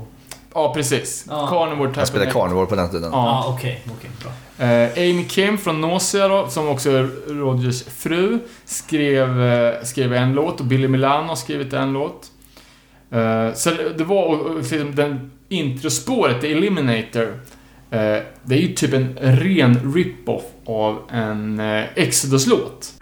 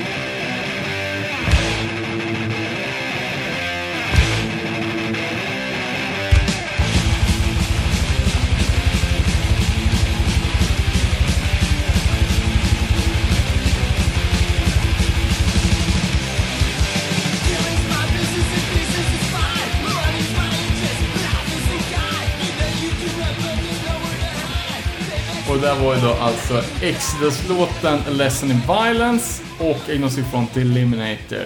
Eh, vissa likheter får man väl ändå säga. Ja, sjukt likt. Det är ju en klockren rip alltså. Rätt av. Eh, Men det var ju så att eh, hardcoreband började spela på, på större klubbar, eh, på klassiska Rock Hotel.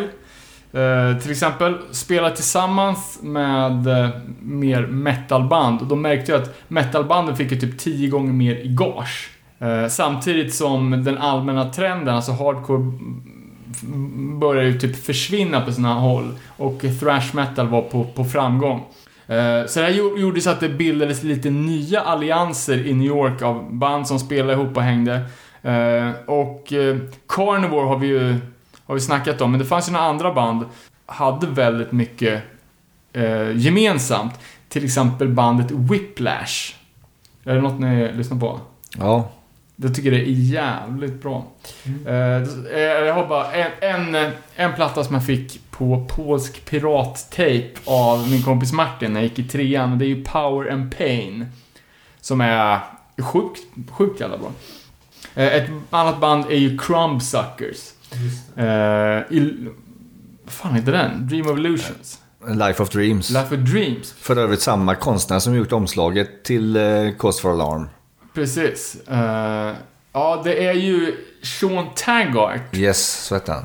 eh, en scenkille som hängde runt och som gjorde massa omslag. Och han har ju då gjort första Carnivore-omslaget, Whiplash, Power and Pain, Crumbsucker, Life of Dreams och Agnostic Front, Cause for Alarm. CVt på den. CV. Eh, och flera av de här banden Eh, hade ju, ja, de, de släppte ju på Combat Core, flera av dem. Eh, Crumbsuckers gjorde det i alla fall och första och andra Carnivore tror jag också är släppt där. Och eh, Carnivore och AF hade samma management. Businesskvinna som jag inte riktigt kommer ihåg namnet på. Eh, och flera av de här plattorna är ju inspelat i System 2 i Studio Brooklyn. Eh, och på Whiplash Power and Pain så, så, eh, så körar Winnie Stigma och Rob Kabula. Eh, så de har ju jävligt...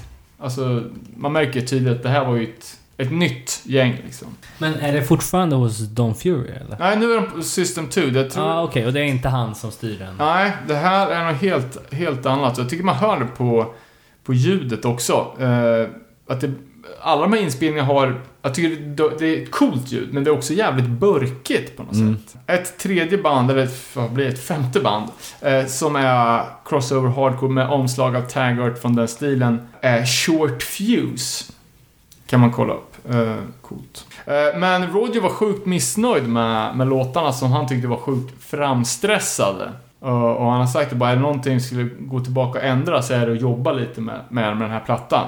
Eh, så han la av. Eh, och bandet... Ja. Han la alltså av efter Cause for Alarm, men innan han åkte in i finkan, eller? Eh, precis. Det kommer ju en skiva mellan det också. Ja. Ja, okej. Nej, han gillade inte låtarna. Han kände sig väl inte helt eh, nöjd med hela den här crossover thrash-grejen. Eh, så han slutade och bandet valde att fortsätta och eh, kontaktade en ny snubbe som skulle sjunga. Och det var ju scenpersonligheten Carl de Mosher. Eh, som också är nyligen bortgången. Full, alltså, återigen faller de tillbaka till gamla mönster där då med att ta in folk som är bra på att morsa. Ja. Eh, Ja, vi- Antar jag då med tanke på hans... Jo, han var ju, alltså, stackars Carl, rest in peace. Han, har- han, han har ju gjort många kortare inhopp. Men han har nästan aldrig haft något riktigt band. Men han var ju också sångare i Underdog, legendariskt New York-band. Väldigt kort sväng. Eh, och eh, Roger han ju ändra sig efter bara någon vecka, så det här gigget med Carl de Morse på sång blev aldrig av. Aha. Eh, utan Roger kom ju tillbaka till Agnostic. Ah, okej. Uh, Carl Morse körde en snabbis med The Iceman. Skitbra New York-band. Eh, och hans enda riktiga band, vad jag vet, är ju sjukt obskyra Dynamo. Eh, som släppte två sjuor 99 på ett, eh, eh, på, ett, eh, på ett bolag som heter Twilight Records. Så de här är ju helt omöjliga att få tag på. Aha. Så om det är någon där ute som har dem i trade kan man ju höra av sig. Eh, men då antar jag att eh, den plattan som följer upp Cause for Alarm, Liberty and Justice, är den inspelad också innan han åker in i finkan? Yes. Det är så? Okej. För att eh, ja, den är också mer metal. Liksom, Ja. crossover. Och Roger har en ganska konstig stil han sjunger med på den skivan. Ja, jag tycker, jag har också tänkt på det. Det sticker ut väldigt mycket. Även om han från början har ganska distinkt röst så är det ändå något lite extra där. Eh, ja, det är liksom, han har ju alltid haft en lite så halvkväkig... Förutom på Victim in Pain har han inte- Nej. kväkningarna så mycket, tänker jag. Nej, det, det är sant, det är sant. Men här har han ju liksom, ja, nu blir det verkligen att och vända på steken, men jag, jag, jag skrev på anteckningen Rick Talifig sång. Ja, precis. Det är halvvägs till Rick Talife, men, Men det är ju tvärtom. Såklart Rick Talife som har, så, som har rippat. Nu vet inte hur man ska säga det här, för du vet, det är såna här grejer som man, man tänker på först när man har fått hört det. Men jag börjar störa mig lite på att i slutet på varje rad så skriker han, eller han liksom håller ut lite extra. Och han gör, känns som att han gör det jävligt konsekvent och det, det är fan inte så snyggt alltså. Och svaja på rösten, liksom sista orden. Och... Ja, det ju- Nu har du förstört den här plattan för alla som lyssnar på den här podden. Nej då. Uh, nej men det är ju, jag tycker det är också en, en, eh, en skitbra skiva. Den första Agnostic-plattan jag, jag ägde var ju CD-versionen, dubbel... Nej fan det var det inte alls. Det var dubbelversionen Cost eh, Cause for Alarm, Victim in Pain. Uh, jag ändrar mig. Uh, och som vanligt, förutom Roger Winnie, helt ny ensemble. På bas har vi Alan Peters, som spelar ett band som heter Crawl Pappy. Eh, som släppte på Blackout Records, ingen vidare bra. Men även i bandet Absolution, som är jävligt bra. Eh, om man har sett några livebilder på Absolution så vet man direkt vad det är. För han har en jättestor rund tribal-tatuering som inte är färdig på bröstet. Ja, okej. I- Eh. Inte ifylld alltså? Nej, den är liksom tre sittningar kvar. Ah, okej. Som han hade i åtta år. Jävlar. Eh, och på trummor nu då, en uh, snubbe som heter Will Shepler som spelar med, med bandet under... På, eller de spelade ända tills, tills de la av där fem, fem år senare. Eh, och vi satt och frågade oss lite på var fan han kom ifrån. För alla de andra har ju spelat i mängder av hardcore-band innan. Men Will Shepler har vi liksom ingen riktig ursprung på. Nej, lite gubben i lådan så att Ja. säga. Eh, för ja, eh, Agnostic var ju vid det här laget ett jävligt stort band. Alltså med, ja, säkert turnera i Europa och eh, sälja bra med skivor liksom. Mm, mm. Men han var väl en, en doldis som var jävligt säker. Eh, sen på, på lead guitar har vi Steve Martin eh, från Boston. Eh, som spelar med F-Use. Eh, den senare inkarnationen av F-Use. Och även med Straw Dogs då som var, som var det bandet som F-Use blev. Ja, det är intressant med den här skivan att Ja, jag skulle säga den, den största eh, hitten som folk kommer ihåg är en Iron Cross Cup liksom. Ja, ja exakt. Den dök ju Mm. upp här. Jag fick ju dem av uh, Sab Gray när Iron Cross la ner. Ja. Ja, de fick De låten. fick låten av, Jaha. av Iron Cross.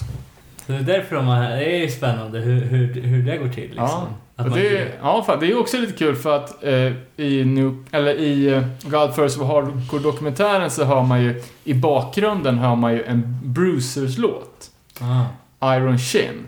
Och det är ju en låt som Bruisers har fått av Agnostic Front. ah okej. Mm. Fan vilken jävla...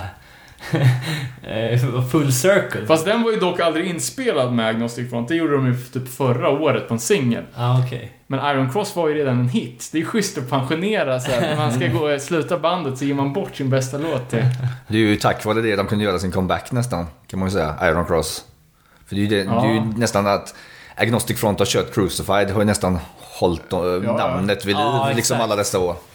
Ja, ja, absolut. Och det här är ju ett klockrent exempel på när covern har blivit större än, Mm. än originalet. Liksom. Jag tänkte också på det här med Liberty and Justice-plattan. Att nästan varje låt här nu är över två minuter. Mm. Liksom, det är också ett, ett, ett skifte från tidigare. Liksom. Eh, och eh, det, det är ju bara någonting som, som fortsätter stegra i, i kommande releaser med. Men, Ja, nej, men det är en eh, jävligt solid platta tycker jag. Mm. Eh, en låt som jag inte kände till tidigare fanns som musikvideo eh, är ju eh, Anthem. Eh, och, eh, d- ja, vi tittar ju på den. ja. Live from CBGB's. Ja, precis. Och det sjuka var ju att det var en jävla MTV-logga uppe i hörnet. Mm. ja, visst. Så var man såhär, eh, det här måste jag... Det är väldigt annorlunda mot annat som gick på För, för Roger visste inte ens att den kom ut, för han satt i fängelse då, när Okej. den videon kom ut Ah, okej. och sändes på MTV. Ja, för det, eh, alltså den här videon för de som inte sett den är ju Det är mosh. Ja, alltså eh, kanske klassiska scener för, för ett jävligt bra hardcore-gig. Men det är ju liksom mer folk på scenen än det är... Alltså det är folk överallt. I pylons liksom, Ja, verkligen. singalongs. Och det här måste ju vara så här, det här var 87. Det måste vara så jävla extremt annorlunda mot alla... Alltså tänk, jag vet inte vad det var som var inne då, men det var ju typ... Guns N' Roses kanske. Ja, det var lite, ja, men, Mötley ja, Crüe. ja, tidig, tidig sån pudel liksom. Mm. Och så ser man det här liksom. Fulltatuerade dårar som bara klättrar på varandra. Det måste vara extremt. Exakt. Och det är ju en jävligt bra... Alltså, de håller ju sin... Sin... Sitt trogna koncept med att göra jävligt eh, starka refränger. Mm. Eh, och det här läste jag faktiskt, eh, om ni kommer ihåg han eh, som mest känd som konstnär, Spoiler heter han ju. Som har gjo- gjorde på 2000-talet alla omslag till, till band. Okej. Skitsamma, han lirar med de här Stigmatism nu, innan dess med Omegas. Mhm. Eh, han i alla fall skrev ju en, eh, ett, eh, en, ett, ja men typ ett hyllningsbrev till Agnostic Front i webbsyn här för inte alls länge sedan. Och där pratar han mycket om att den här låten, The Anthem, refrängen går ju The Blood, The Honor, The Truth. Och att det uppfattades som en ren, eh, ja men typ theme song för Blood and Honor Aha. naziorganisation som på den tiden var jävligt stora. Okej. Och han liksom resonerar bara att Alltså det är så jävla... ja, men det, det, det är så, så märkligt att... Eh, att, inte, att inte själv tänka på den referensen. Nej. Och liksom välja att säga något annat. Mm. Alltså också, ja, jag önskar att Roger hade tagit upp det i sin bok. För han pratar mycket om andra, andra saker som de har fått så här, högerstämpel på. Just. Men just den här grejen som, som han tyckte var helt uppenbar. Jag hade aldrig tänkt på det, men... Ja, nej. Det, det är väl eh, också eh, beroende på vad, hur, hur pass eh, exponerad man är, var för det också på den tiden. När, nej, det kanske inte var lika uppenbart för honom heller. Liksom. Nej, jag vet inte. Eh, någonstans i den här vevan så startade de i alla fall ett sidoprojekt. Och det var ju Madball. Just det. Roger hade sin lillebrorsa från Florida som, som hängde med på turnéer. Eh, och som också hade liksom... Hade det jävligt risigt på hemmaplan. Eh, så Roger axlade storebrorsa-rollen och var liksom... Ja, du Kim sa att, att han typ Stigma hade varit förmyndare. Ja, Legal Guardian. För Stigma var den enda som hade en fast bostad med telefon. Så därför blev han det då för Freddy. Eh, och Freddy var ju bara sju bast när han, eh, när han började spendera sommarloven i eh, squattet eller hemma hos, hemma hos Winnie Stigma. Och även åkte med på turnéer. Och liksom, ja, vi, vi gav han micken och så fick han köra liksom. Ja, det finns ju fantastiska scener från den tiden i just återigen då den här Godfathers of Hardcore-dokumentären. Och det här hade ju han gjort ända sen, alltså väldigt tidigt in i Agnostic Front-karriären. Mm. Men eh, 88 då så, så kom de på att nu jävlar, eh, Freddy är 12 år, klart grabben ska ha ett eget band. Mm. Eh, så då tar de gamla avlagda Agnostic-låtar och Roger, Freddy, Winnie och Will Shepard eh, startar ett officiellt sidoprojekt då och spelar in sjuan Ball of Destruction. Eh, ja, det är lite spännande där var namnet kom ifrån. Du berättade någon rolig historia där Kim om... Ja, det var när Vinny och de satt och retade Freddie Madball så mycket. Så gjorde han såna grimaser, så han såg ut som en sån Madball, en sån gubbe man kastar i väggen som får roliga grimaser. Så därifrån kommer namnet Madball. För de kallade ju honom Madball Ja, innan bandet fanns. Ja, just det, just det. Ja, ja jag kommer jag kommer ihåg på, på, på återigen då Bergslagsrocken-gigget så skulle jag intervjua Madball till vårt fanzine. Och jag, det är ju väldigt dåligt med bilder. Pre-internet och det fanns ju liksom inga bilder att tala om i, i den här Ball Destruction LPn som vi dessutom bara hade på pappficke-CD. Men riktigt så är bara Fred Madball, han är så jävla ful. så vi typ bara, okej, här är en massa jänkare. Vi, vi fick ju komma in liksom bland turnébussarna där. Och där är en snubbe, han, ser- han ser fan jävligt skev ut. så gick vi fram bara, ja, och då var det ju mycket riktigt Freddie Madball. Då fick komma in i turnébussen och så satt vi och snackade med Fre- ja, Freddie och Winnie Stigmas. Då jävlar. Sjukt mäktigt. Stort. Ja, det var mäktigt. Vad minns du av den intervjun då? Ja, det var så mycket. Alltså, vi intervjuade ju, vi intervjuade ju fan Ignite som då var stora favoriter. Och, eh, för jag pratade lite med, med Rancid också som var huge. Ja. Så vi gjorde några, några intervjuer där. Men jag, jag kommer fan det- inte riktigt ihåg mer än... Men redan då rullar de Nightliner eller? Ja, ja, för fan. Ja, åh fan. Eller jag vet inte om det var deras nightliner eller om det var hyrt för att transportera fo- folk till Fagersta. Ja, just det. För det är, jag vet inte fan hur mycket av de här banden på den... Jag tror inte att det bara var turnerande band som råkade komma förbi Sverige. Utan jag tror att det var ganska mycket exklusiva inflygningar. På tal om det, jag måste bara nämna det när jag glömmer det. Såg du på eh, På spåret förra veckan när det var Fagersta att de namedroppade Bergslagsrocken då? Ja. Wow. I, det var extremt kul. Ja, sorry. Eh, och det var ju även bilder på, eh, på Facebook från det giget. Florerade i veckan. Ja, också. okej. eh, någonstans. Eh, ja, och i, i någonstans i den här perioden så vart ju Roger farsa. Han och Amy fick ju ett barn, Nadja. Eh, och han fick väl, han uppfick väl någon akut paraknasnoja. Eh, de bodde i extremt eh, enkla förhållanden. Han säger det att ja, mitt barn hade ingen barn, eller ingen vagga, hon låg i en byrålåda. Ja, liksom. exakt. Eh, Så då börjar han, för att få in snabba pengar, börjar han köra droger mellan olika, eller börjar köra olika väskor mellan olika platser för att få in lite deg. Och ja, vi vet ju att han, att han satt inne eh, ganska långt straff. Jag tror det var två, två år. Mm. Eh, det jag inte visste förrän jag läste boken var ju att han hade blivit tjallad på av en hardcore-snubbe. Jaha. Eh, och det var ju trummisen från bandet Ultra Violence. Eh, New York-band som inte släppt några egna skivor men som har varit med på Big City Compsen till exempel. Okej.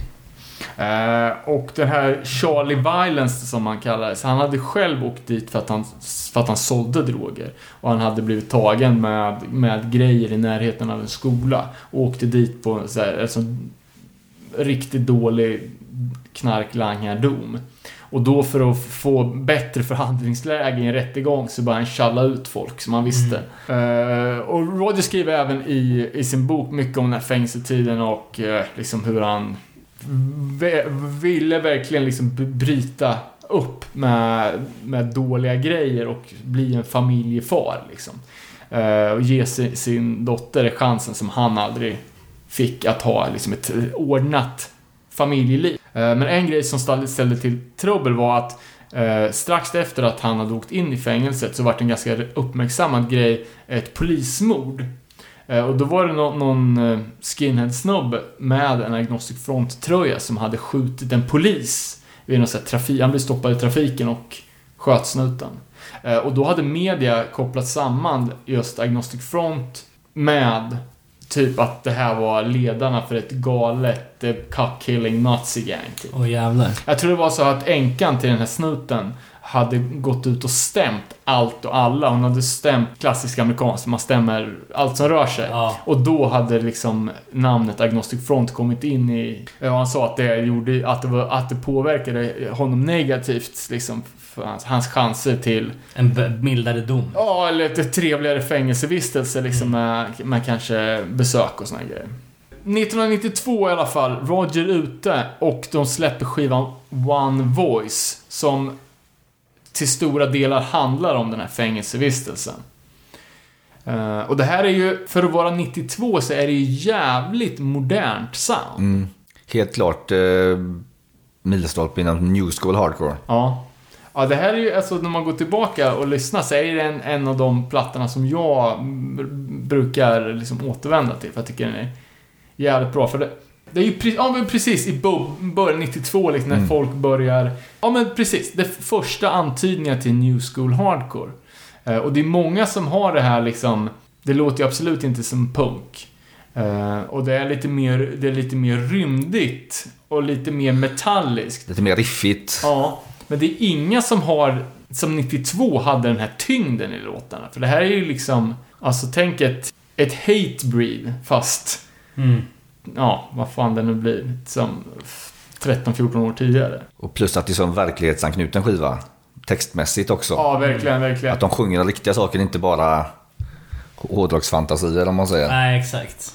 Ja, och precis. Och inte heller liksom eh, klassisk punktext liksom, fuck authority. Utan nu liksom, ja. Eh, skivan öppnar liksom med, med eh, fängelsesampling och Ja, exakt. Det var det jag tänkte What's på. going on behind Mm. these walls liksom. Och första låten New Jack handlar om hur det är att komma som färsking till ett hårt fängelse. Mm. För Roger han hade ju, han sa det bara, vi gjorde så mycket dumma grejer när vi var kids men det var ingen som typ åkte dit. Vad, Eller vad han han, hade på inte för fängelse? Eh, jag tror han flyttades runt lite. Ah, jag kommer inte ihåg. Ja, det är, på One Voice då, det är också det där... Ja, det kanske är på grund av att det är samplingar och så, men... Men låtarna är ju också där mycket längre. Mm. Liksom. Tre minuter plus. Liksom. Jag tycker det som gitarrmässigt är den starkaste skivan. Tack vare Matt Henderson, tänker jag. Ja, precis. Som vanligt då när Agnostic Front släpper en ny platta. Eh, ny gitarrist. Matt Henderson. Från, eh, kommer ursprungligen från Minnesota. Mhm. Eh, bandet Blind Approach. Eh, som släppte två sjuor på 80-talet, så man kan kolla upp det jävligt bra. Eh, och en ung men redan veteran är ju Craig Sitari på basen. Som spel, spelade tidigare med jävligt många band. Eh, Sick of All, Youth of Today, Rest in Pieces, Straight Ahead. Eh, och han säger i någon intervju... New York Mayhem. Precis. Som var väl det första bandet till och med. Mm, kan nog stämma. Eh, och det var ju också lite crossover thrash alla 86-stuket. Han säger att han hade sneakers-licens. Han var den första Agnostic Front som, som inte behövde ha boots. så han hade, han hade sån veteranstämpel så att det var, det funkar. Eh, och kvar var ju då Will Shepler på trummor. Ja, jag har en jävligt eh, rolig vinylutgåva på den här plattan. Som okej. var en, lite av en eh, white whale för mig under många år. Och det är ju att eh, hela den här plattan eh, finns pressad på en Johnny Winters LP. Så eh, konvolutet och etiketterna är Johnny Winters, men själva spåren på plattan spelar Agnostic Front One Voice. Jävlar. Wow. Och det är han, vad är han då? Johnny Winter? Det är ju någon gitarrlegend. typ. Jaha. Men förmodligen då samma presseri. Ja. Ja, precis. De, det var något som inte byttes i tid. Nej. Eh, också en sån här... Eh, in, hur många ex av den kom det? Ja, det vet jag inte, men jag, alltså, det, är in, det är inte fem. Nej. Jag tror att det kanske är 20 pers som har den på Discogs. Så Okej. Den är inte super, super svår. Eh, men den är jävligt cool i alla fall. Eh, sen gjorde ju bandet eh, en liten paus. Från, vi tror att det var från 2000, nej från 93 till 96. Eh, jag, jag tror väl att det var att Roger ville satsa på familjelivet som var den, den bidragande faktorn till Ja. det här. För han flyttade ju ner till Florida då och eh, tog utbildning som eh, Harley Davidson-mekaniker. Så han vill liksom ha ett vanligt jobb Ja. och satsa på familjen. Ja, One Voice kom ut 92. Och nästföljande platta, eh, Something's Gotta Give, kom ut 98. Mm. Så det är ju sex år där. Ja. Ja, Släppte de en liveskiva emellan, Last Warning. ah, okej. För det var från sista spelningen säger de. Ja, Fast det var sista amerikanska spelningen. Ja, För sen så gjorde de en Europaturné senare samma år med Madball som förband. precis. Och det finns, ja, den eh, Last Warning-giget är ju också eh, sjuk line-up alltså. Eh, se om jag kommer ihåg den i huvudet, men det är ju... jag, jag, jag tror det är typ Agnostic Front, Madball, Warzone, Rejuvenate, Cold as Life, Rejuvenate och Marauder. Oh. Alltså det är bara, du vet, det sjukaste du kan tänka dig. Warzone var inte med för de var i studion då. Okej. Alltså Rabies kom på spelningen och var med. Ja, hur som helst. Det är matig. Ja, det är maffigt. Eh, och emellan, eh, emellan Liberty and Justice och One Voice så är väl Live at CBGB's också. Mm. Eh, superklassisk liveplatta som faktiskt är bra. Ja, det är från- fan... Eh, och den här Last Warning är också pissbra. Eh, och det som är nästan bäst på den är ju alla grymma foton. Det är liksom ett fotokollage på framsidan. Alla bilder är helt sjuka. Vi hörde ju en liten story som kanske är en skröna, du Kim- Kim kanske vet. Eh, om anledningen till att Agnostic la ner då den här tiden. Eh, och enligt rumors då, så skulle de ha fått en beef med en av, eh, är det en av de sju familjerna i New York.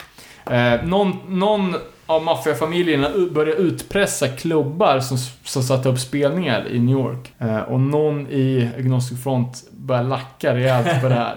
Eh, och hade gått till, eh, till dörren till en av bossarna av de här familjerna och spikat upp ett brev där det stod typ, jag vet inte. eh, dra åt helvete, hälsningar Agnostic Front, typ. Åh fan. Och det här hade fått lite för... Eh, det hade tagit hus i helvete helt enkelt och de var tvungna att ligga lite lågt. Hästhuvud i sängen och så vidare. Men det väljer väl vi att tro på. Det köper jag. Ja, ja men om man, om man tänker sig då eh, de här eh, hu- huvudåren på 90-talet där Agnostic Front låg nere. De låg alltså nere som att de turnerade ingenting, de gjorde inga, spelade en gång om året, ingenting sånt utan eh, Roger flyttade till Florida och, och, och that's that liksom.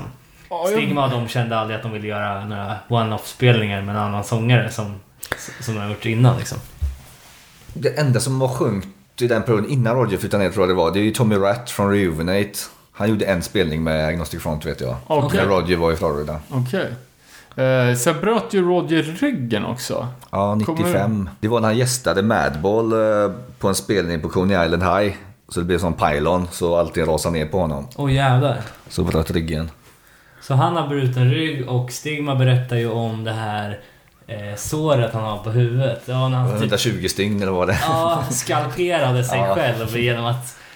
Ja men så här klassiskt du vet som man gjorde när man var liten. Att man, så förstod jag det i alla fall. Som man gjorde i vattnet så här. Polare sköt iväg. Ja. Liksom, man satte foten på handen typ. Katapultstage Ja, där. så här, skjut ut mig. Nej nej nej. Han sköt upp honom rakt upp så det bara var över. Så. Rakt in, in i en överhängande högtalare. Ja, fy fan vad hemskt.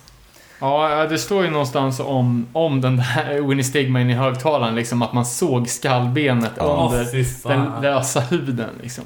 Fan. Han ser ju jävligt eh, fresh ut på skallen ändå, trots den skadan då. Om den är så illa som... Han har som ett jättestort ärr över hela... Ja, det är det han har. Ja. Jag tyckte inte man såg det alls nu när vi kollar på, på dokumentären, men... eh, Det, det är klart och tydligt fortfarande. Ja, okej. Eh, ja, men någonstans här så, så börjar det ju... Fröna börjar sättas om en reunion av, av Agnostic Front. Och jag tror vi är väl ganska eniga om att Agnostic Front blev större än någonsin på ganska kort tid. Eh, vi har ju hört rapporter inifrån Epitaph-kontoret. Med, alltså som på den här tiden var skitstort. Alltså Epitaph hade ju precis, de hade väl släppt Offspring och alla de här grejerna. Skatepunkvågen eller punkvågen som, som var där på mitten, slutet av, av 90-talet hade ju liksom skjutit in enormt mycket kapital i, i punken.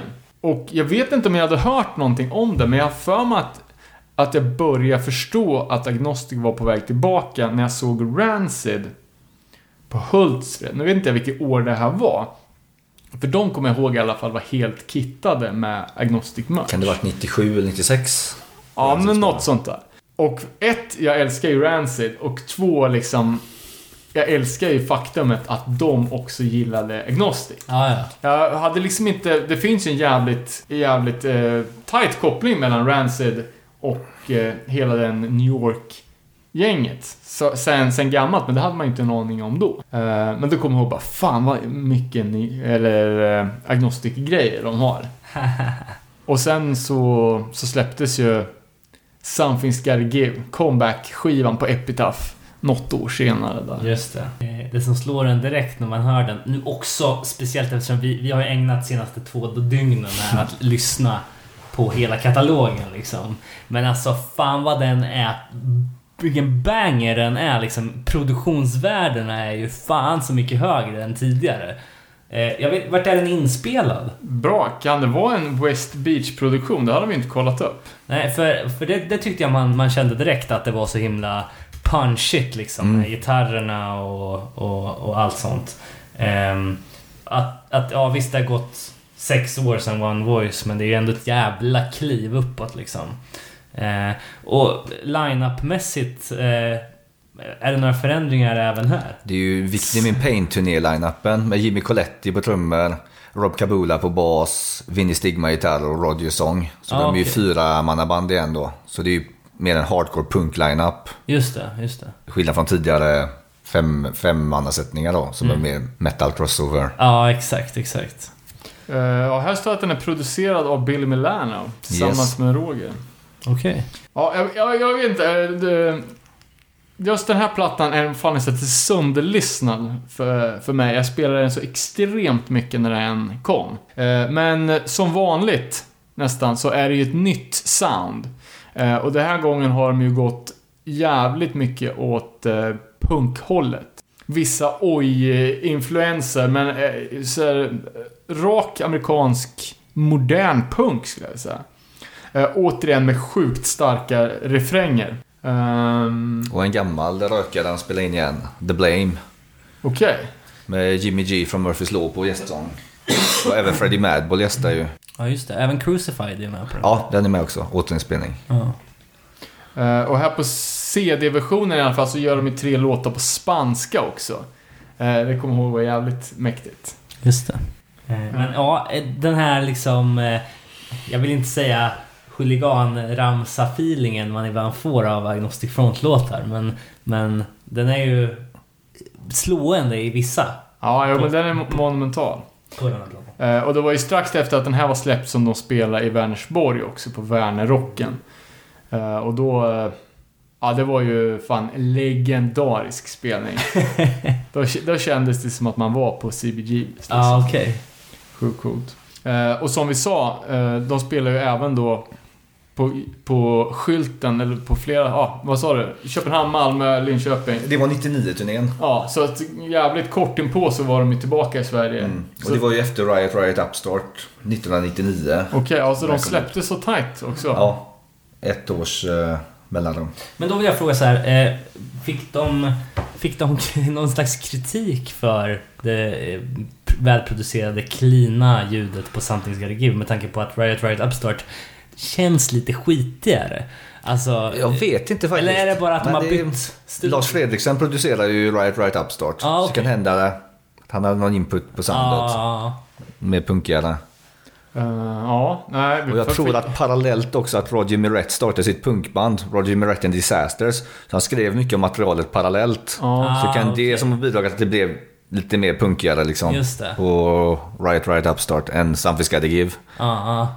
För alltså spontant så skulle jag säga att i alla fall bland mig och mina polare, att det här togs emot jävligt väl.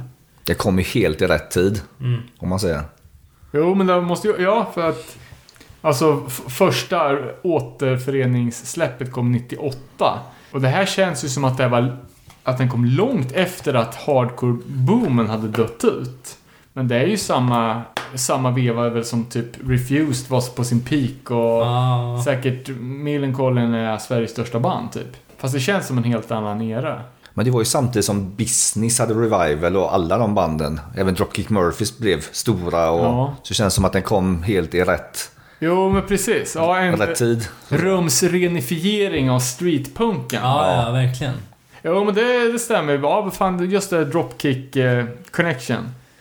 Eh, att de började eh, ja, men turnera mycket i Europa och sen Mm. blev ett, ett stort band liksom. Och, eh, att Rancid-folket började lägga fingrarna i...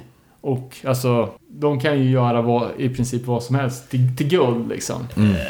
Om, vi, om vi då ska flika in med den här eh, som vi skulle ha pratat om i början av det här avsnittet men vi fick ju in det på Instagram. Eh, hans nya projekt. Eh, Landfill Crew. ja, exakt. Har du hört talas om det? Aldrig hört.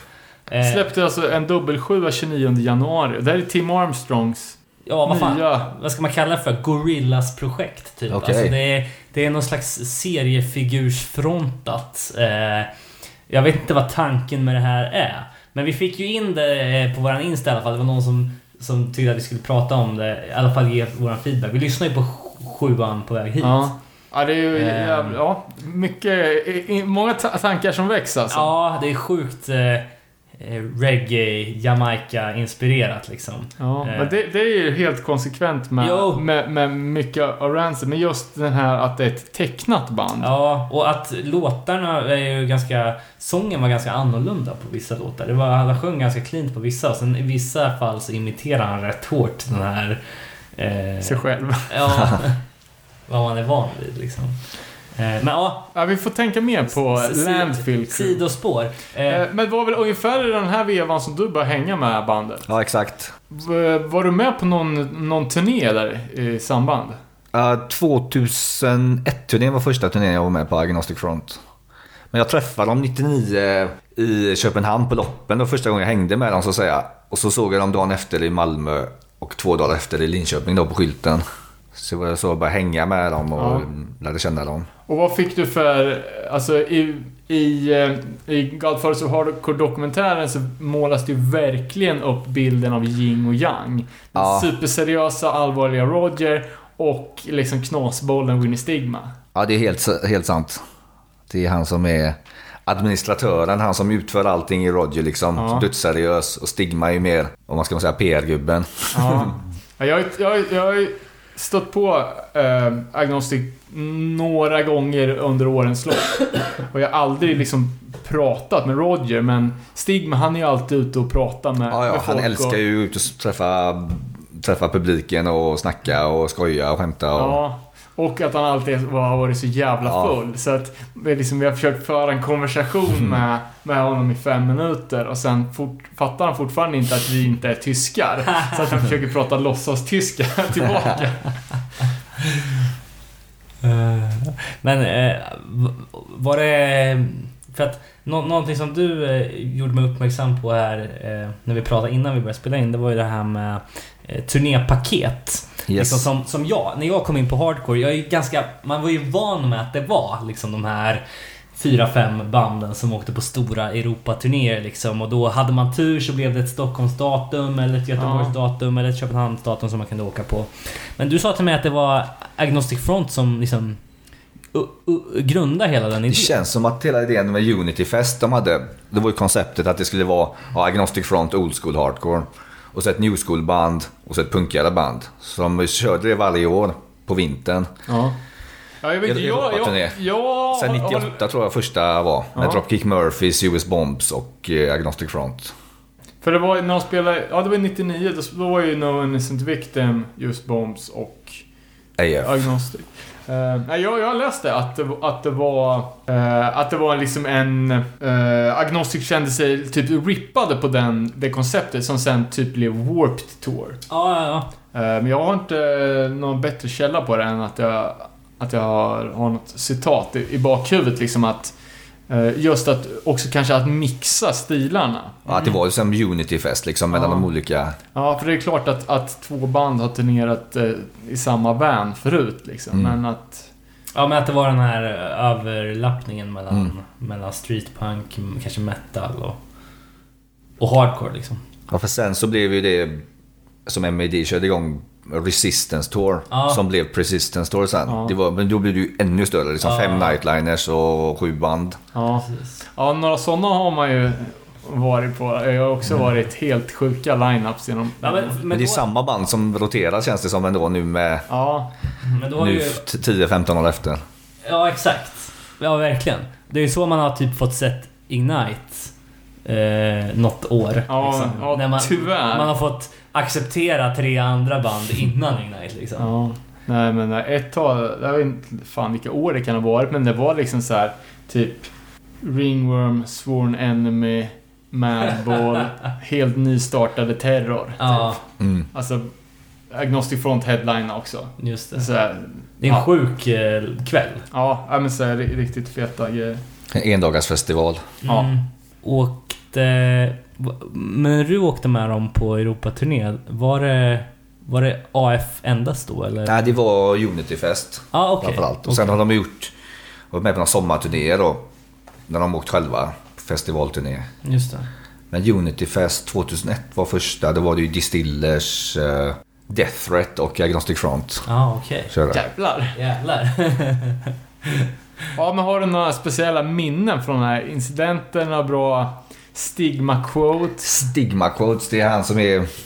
Han är min livscoach. Nej, han, han säger mycket roliga saker. Till exempel... Hey kid, I gotta learn you something. If you're tired you sleep, if you're hungry you eat. Sådana grejer liksom. eh. Så älskar han ju att skrika hardcore lives.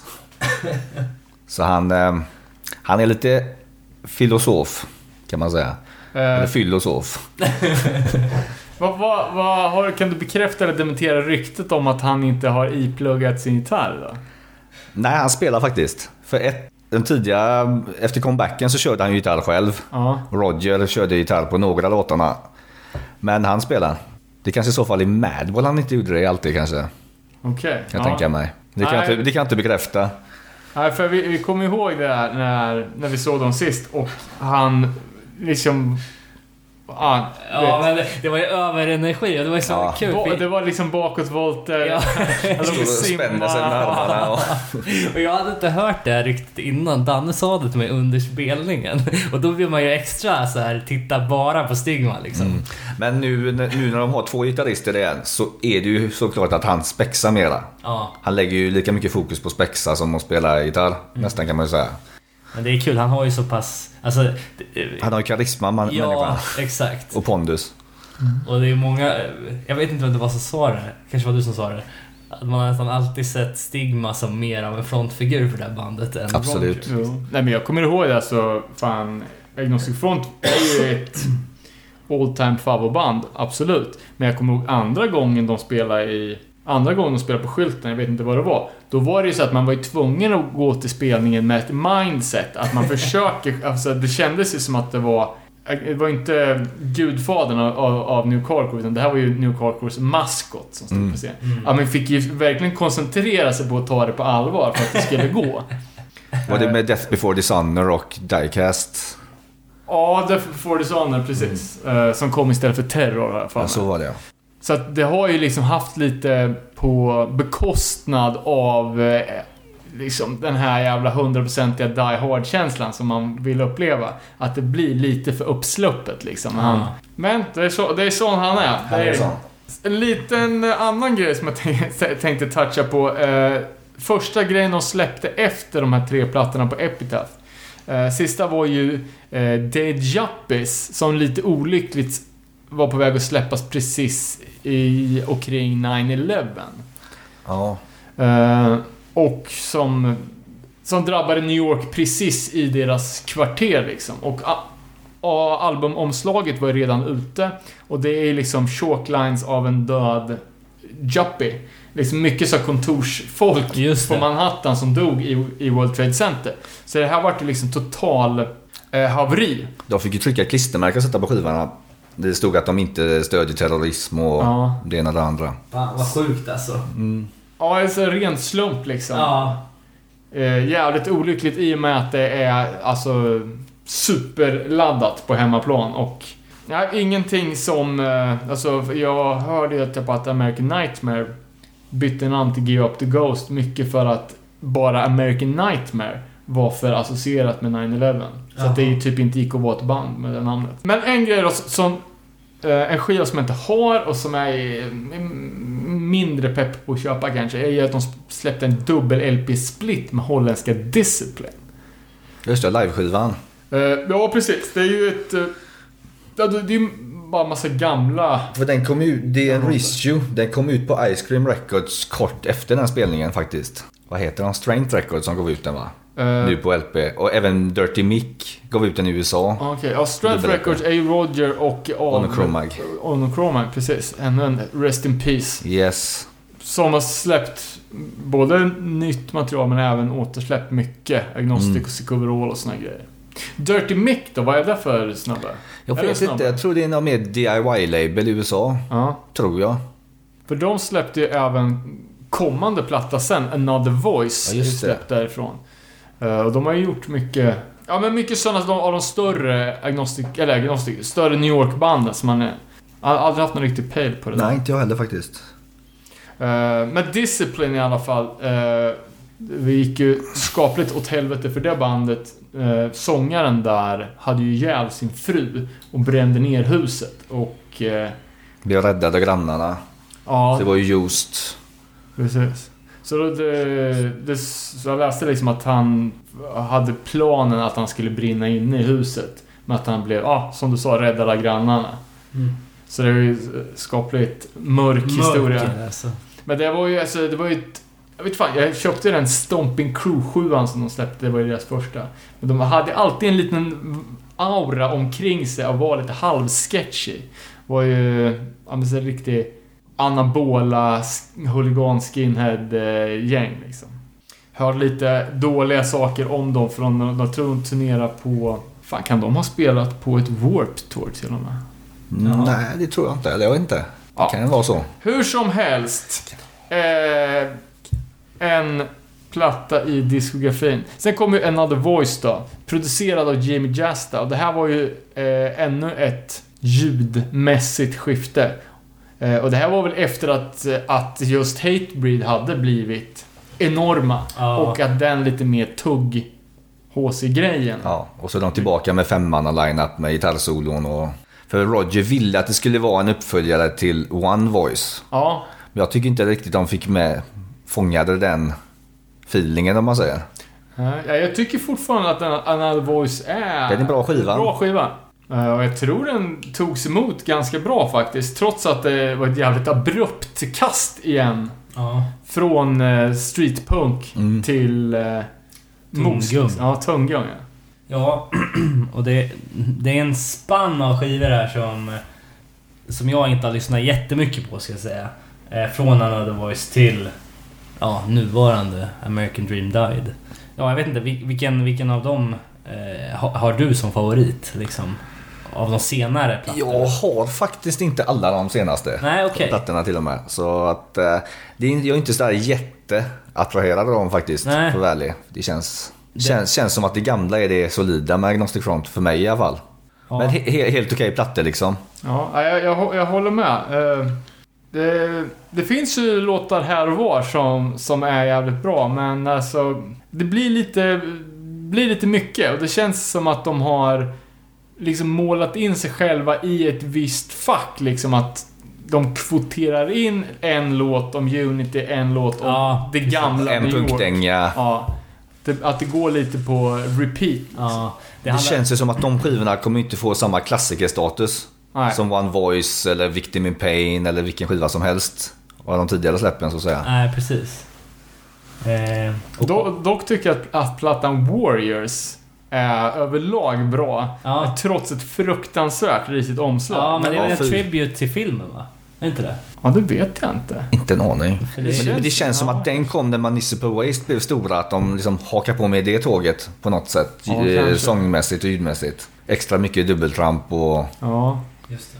Nej, men det står ju i Rogers självbiografi där han, han går ju igenom inspelningen inför alla album. Alltså det verkar som att nu ska vi spela in en, en ny platta, då åker jag ner eh, själv utan bandet och sätter mig hemma hos Jimmy Just och leker ihop några låtar och sen tejpar vi det liksom. Jaha, åh fan. Så att det var, känns som ett litet, inte ett hastverk kanske, men eh, så här, jävligt udda sätt Jag att förstår. skriva låtar på. Jag förstår vad beroende han blir då också av Jamie Justa liksom. Eller vad hans influenser kan prägla skivan. Ja, jag ska, ja, ja, totalt. Lite tillbaka till eh, Cause for Alarm situationen nästan. Ja, precis. Ja. Och det är väl också så här att om man nu hade kommit in på Agnostic i samband med Another Voice så hade man säkert känt annorlunda för, för kommande skivor än vad man gör när man, Absolut. när man har den relationen till det tidigare. Så. Men vad, vad har du för eh, kontakt med bandet idag? Inte så mycket kontakt. Skriver kanske på Facebook någon gång och så. Skickar sms till Stigma när han fyller år. Ja, ja, ja. Just det.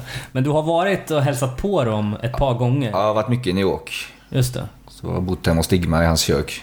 Ja, Med en ja. madrass. Eh, har du eh, varit på, eh, alltså om man tänker utöver de här turnéerna som du har gjort med Agnostic, har du sett dem på hemmaplan någon gång? Jag har sett dem i New York eh, en gång när de spelade in live-DVDn. Ah, okej. eh, På CBGBs. Okej. 2004. Så det, var, det var lite samma känsla som den eh, live at CBGBs 88. Som folk över hela scenen och folk överallt. Just det. Så var det sponsrat av Miller High Life så det var gratis öl hela kvällen åt alla. Annat än på 80-talet. Ja, precis. Men också spännande där när vi snackar om CBGB, så att de ändå hann att det bandet som ändå är så starkt förknippat med stället han Mm. Absolut. spela in en DVD där. Ehm, och också liksom he- hela situationen med CBGB som du berättade om. eh, med, med hyran och sådär när Mm. det la ner. För att Nuclear Blast, eh, som, som de låg på då, skivbolaget, ville ha en större spelning. Men Roger och de sa det som att vi, vi är Agnostic Front.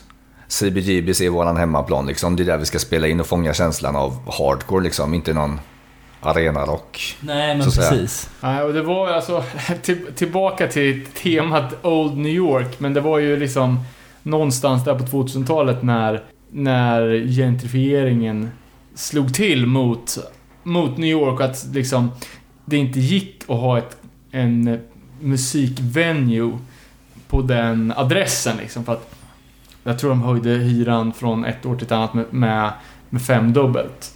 Och sen så hade de de började göra CBGBs merch och de försökte skramla in pengar för att kunna fortsätta. Eh, Det höll ju ett år ungefär va? ja, och sen så höll det ett år, sen så kom den nya hyran in och då var det fem gånger högre än det var året innan igen. Mm. Och då fick de lägga ner och så blev det någon jävla, ja vad det nu blev. Vad fan är det där nu? Kandas typ. Ja. Eh, vad fan skulle jag fråga nu då? Eh, ehm, Stigma har ju också ett sidoprojekt. Yes. Eh, som heter vadå? Stigma. Ja, det heter bara Stigma. Okej. Vad annars? eh, vi kollar ju på musikvideon där till... Till den enda låten, eller? Har han släppt någon sjua? Nej, de har släppt två fullängdare. Jaha, det är så pass? För vi letar ju verkligen, vi hittar ju... Ja men New York Blood är ju, det är ju deras hitlåt och den, Ja.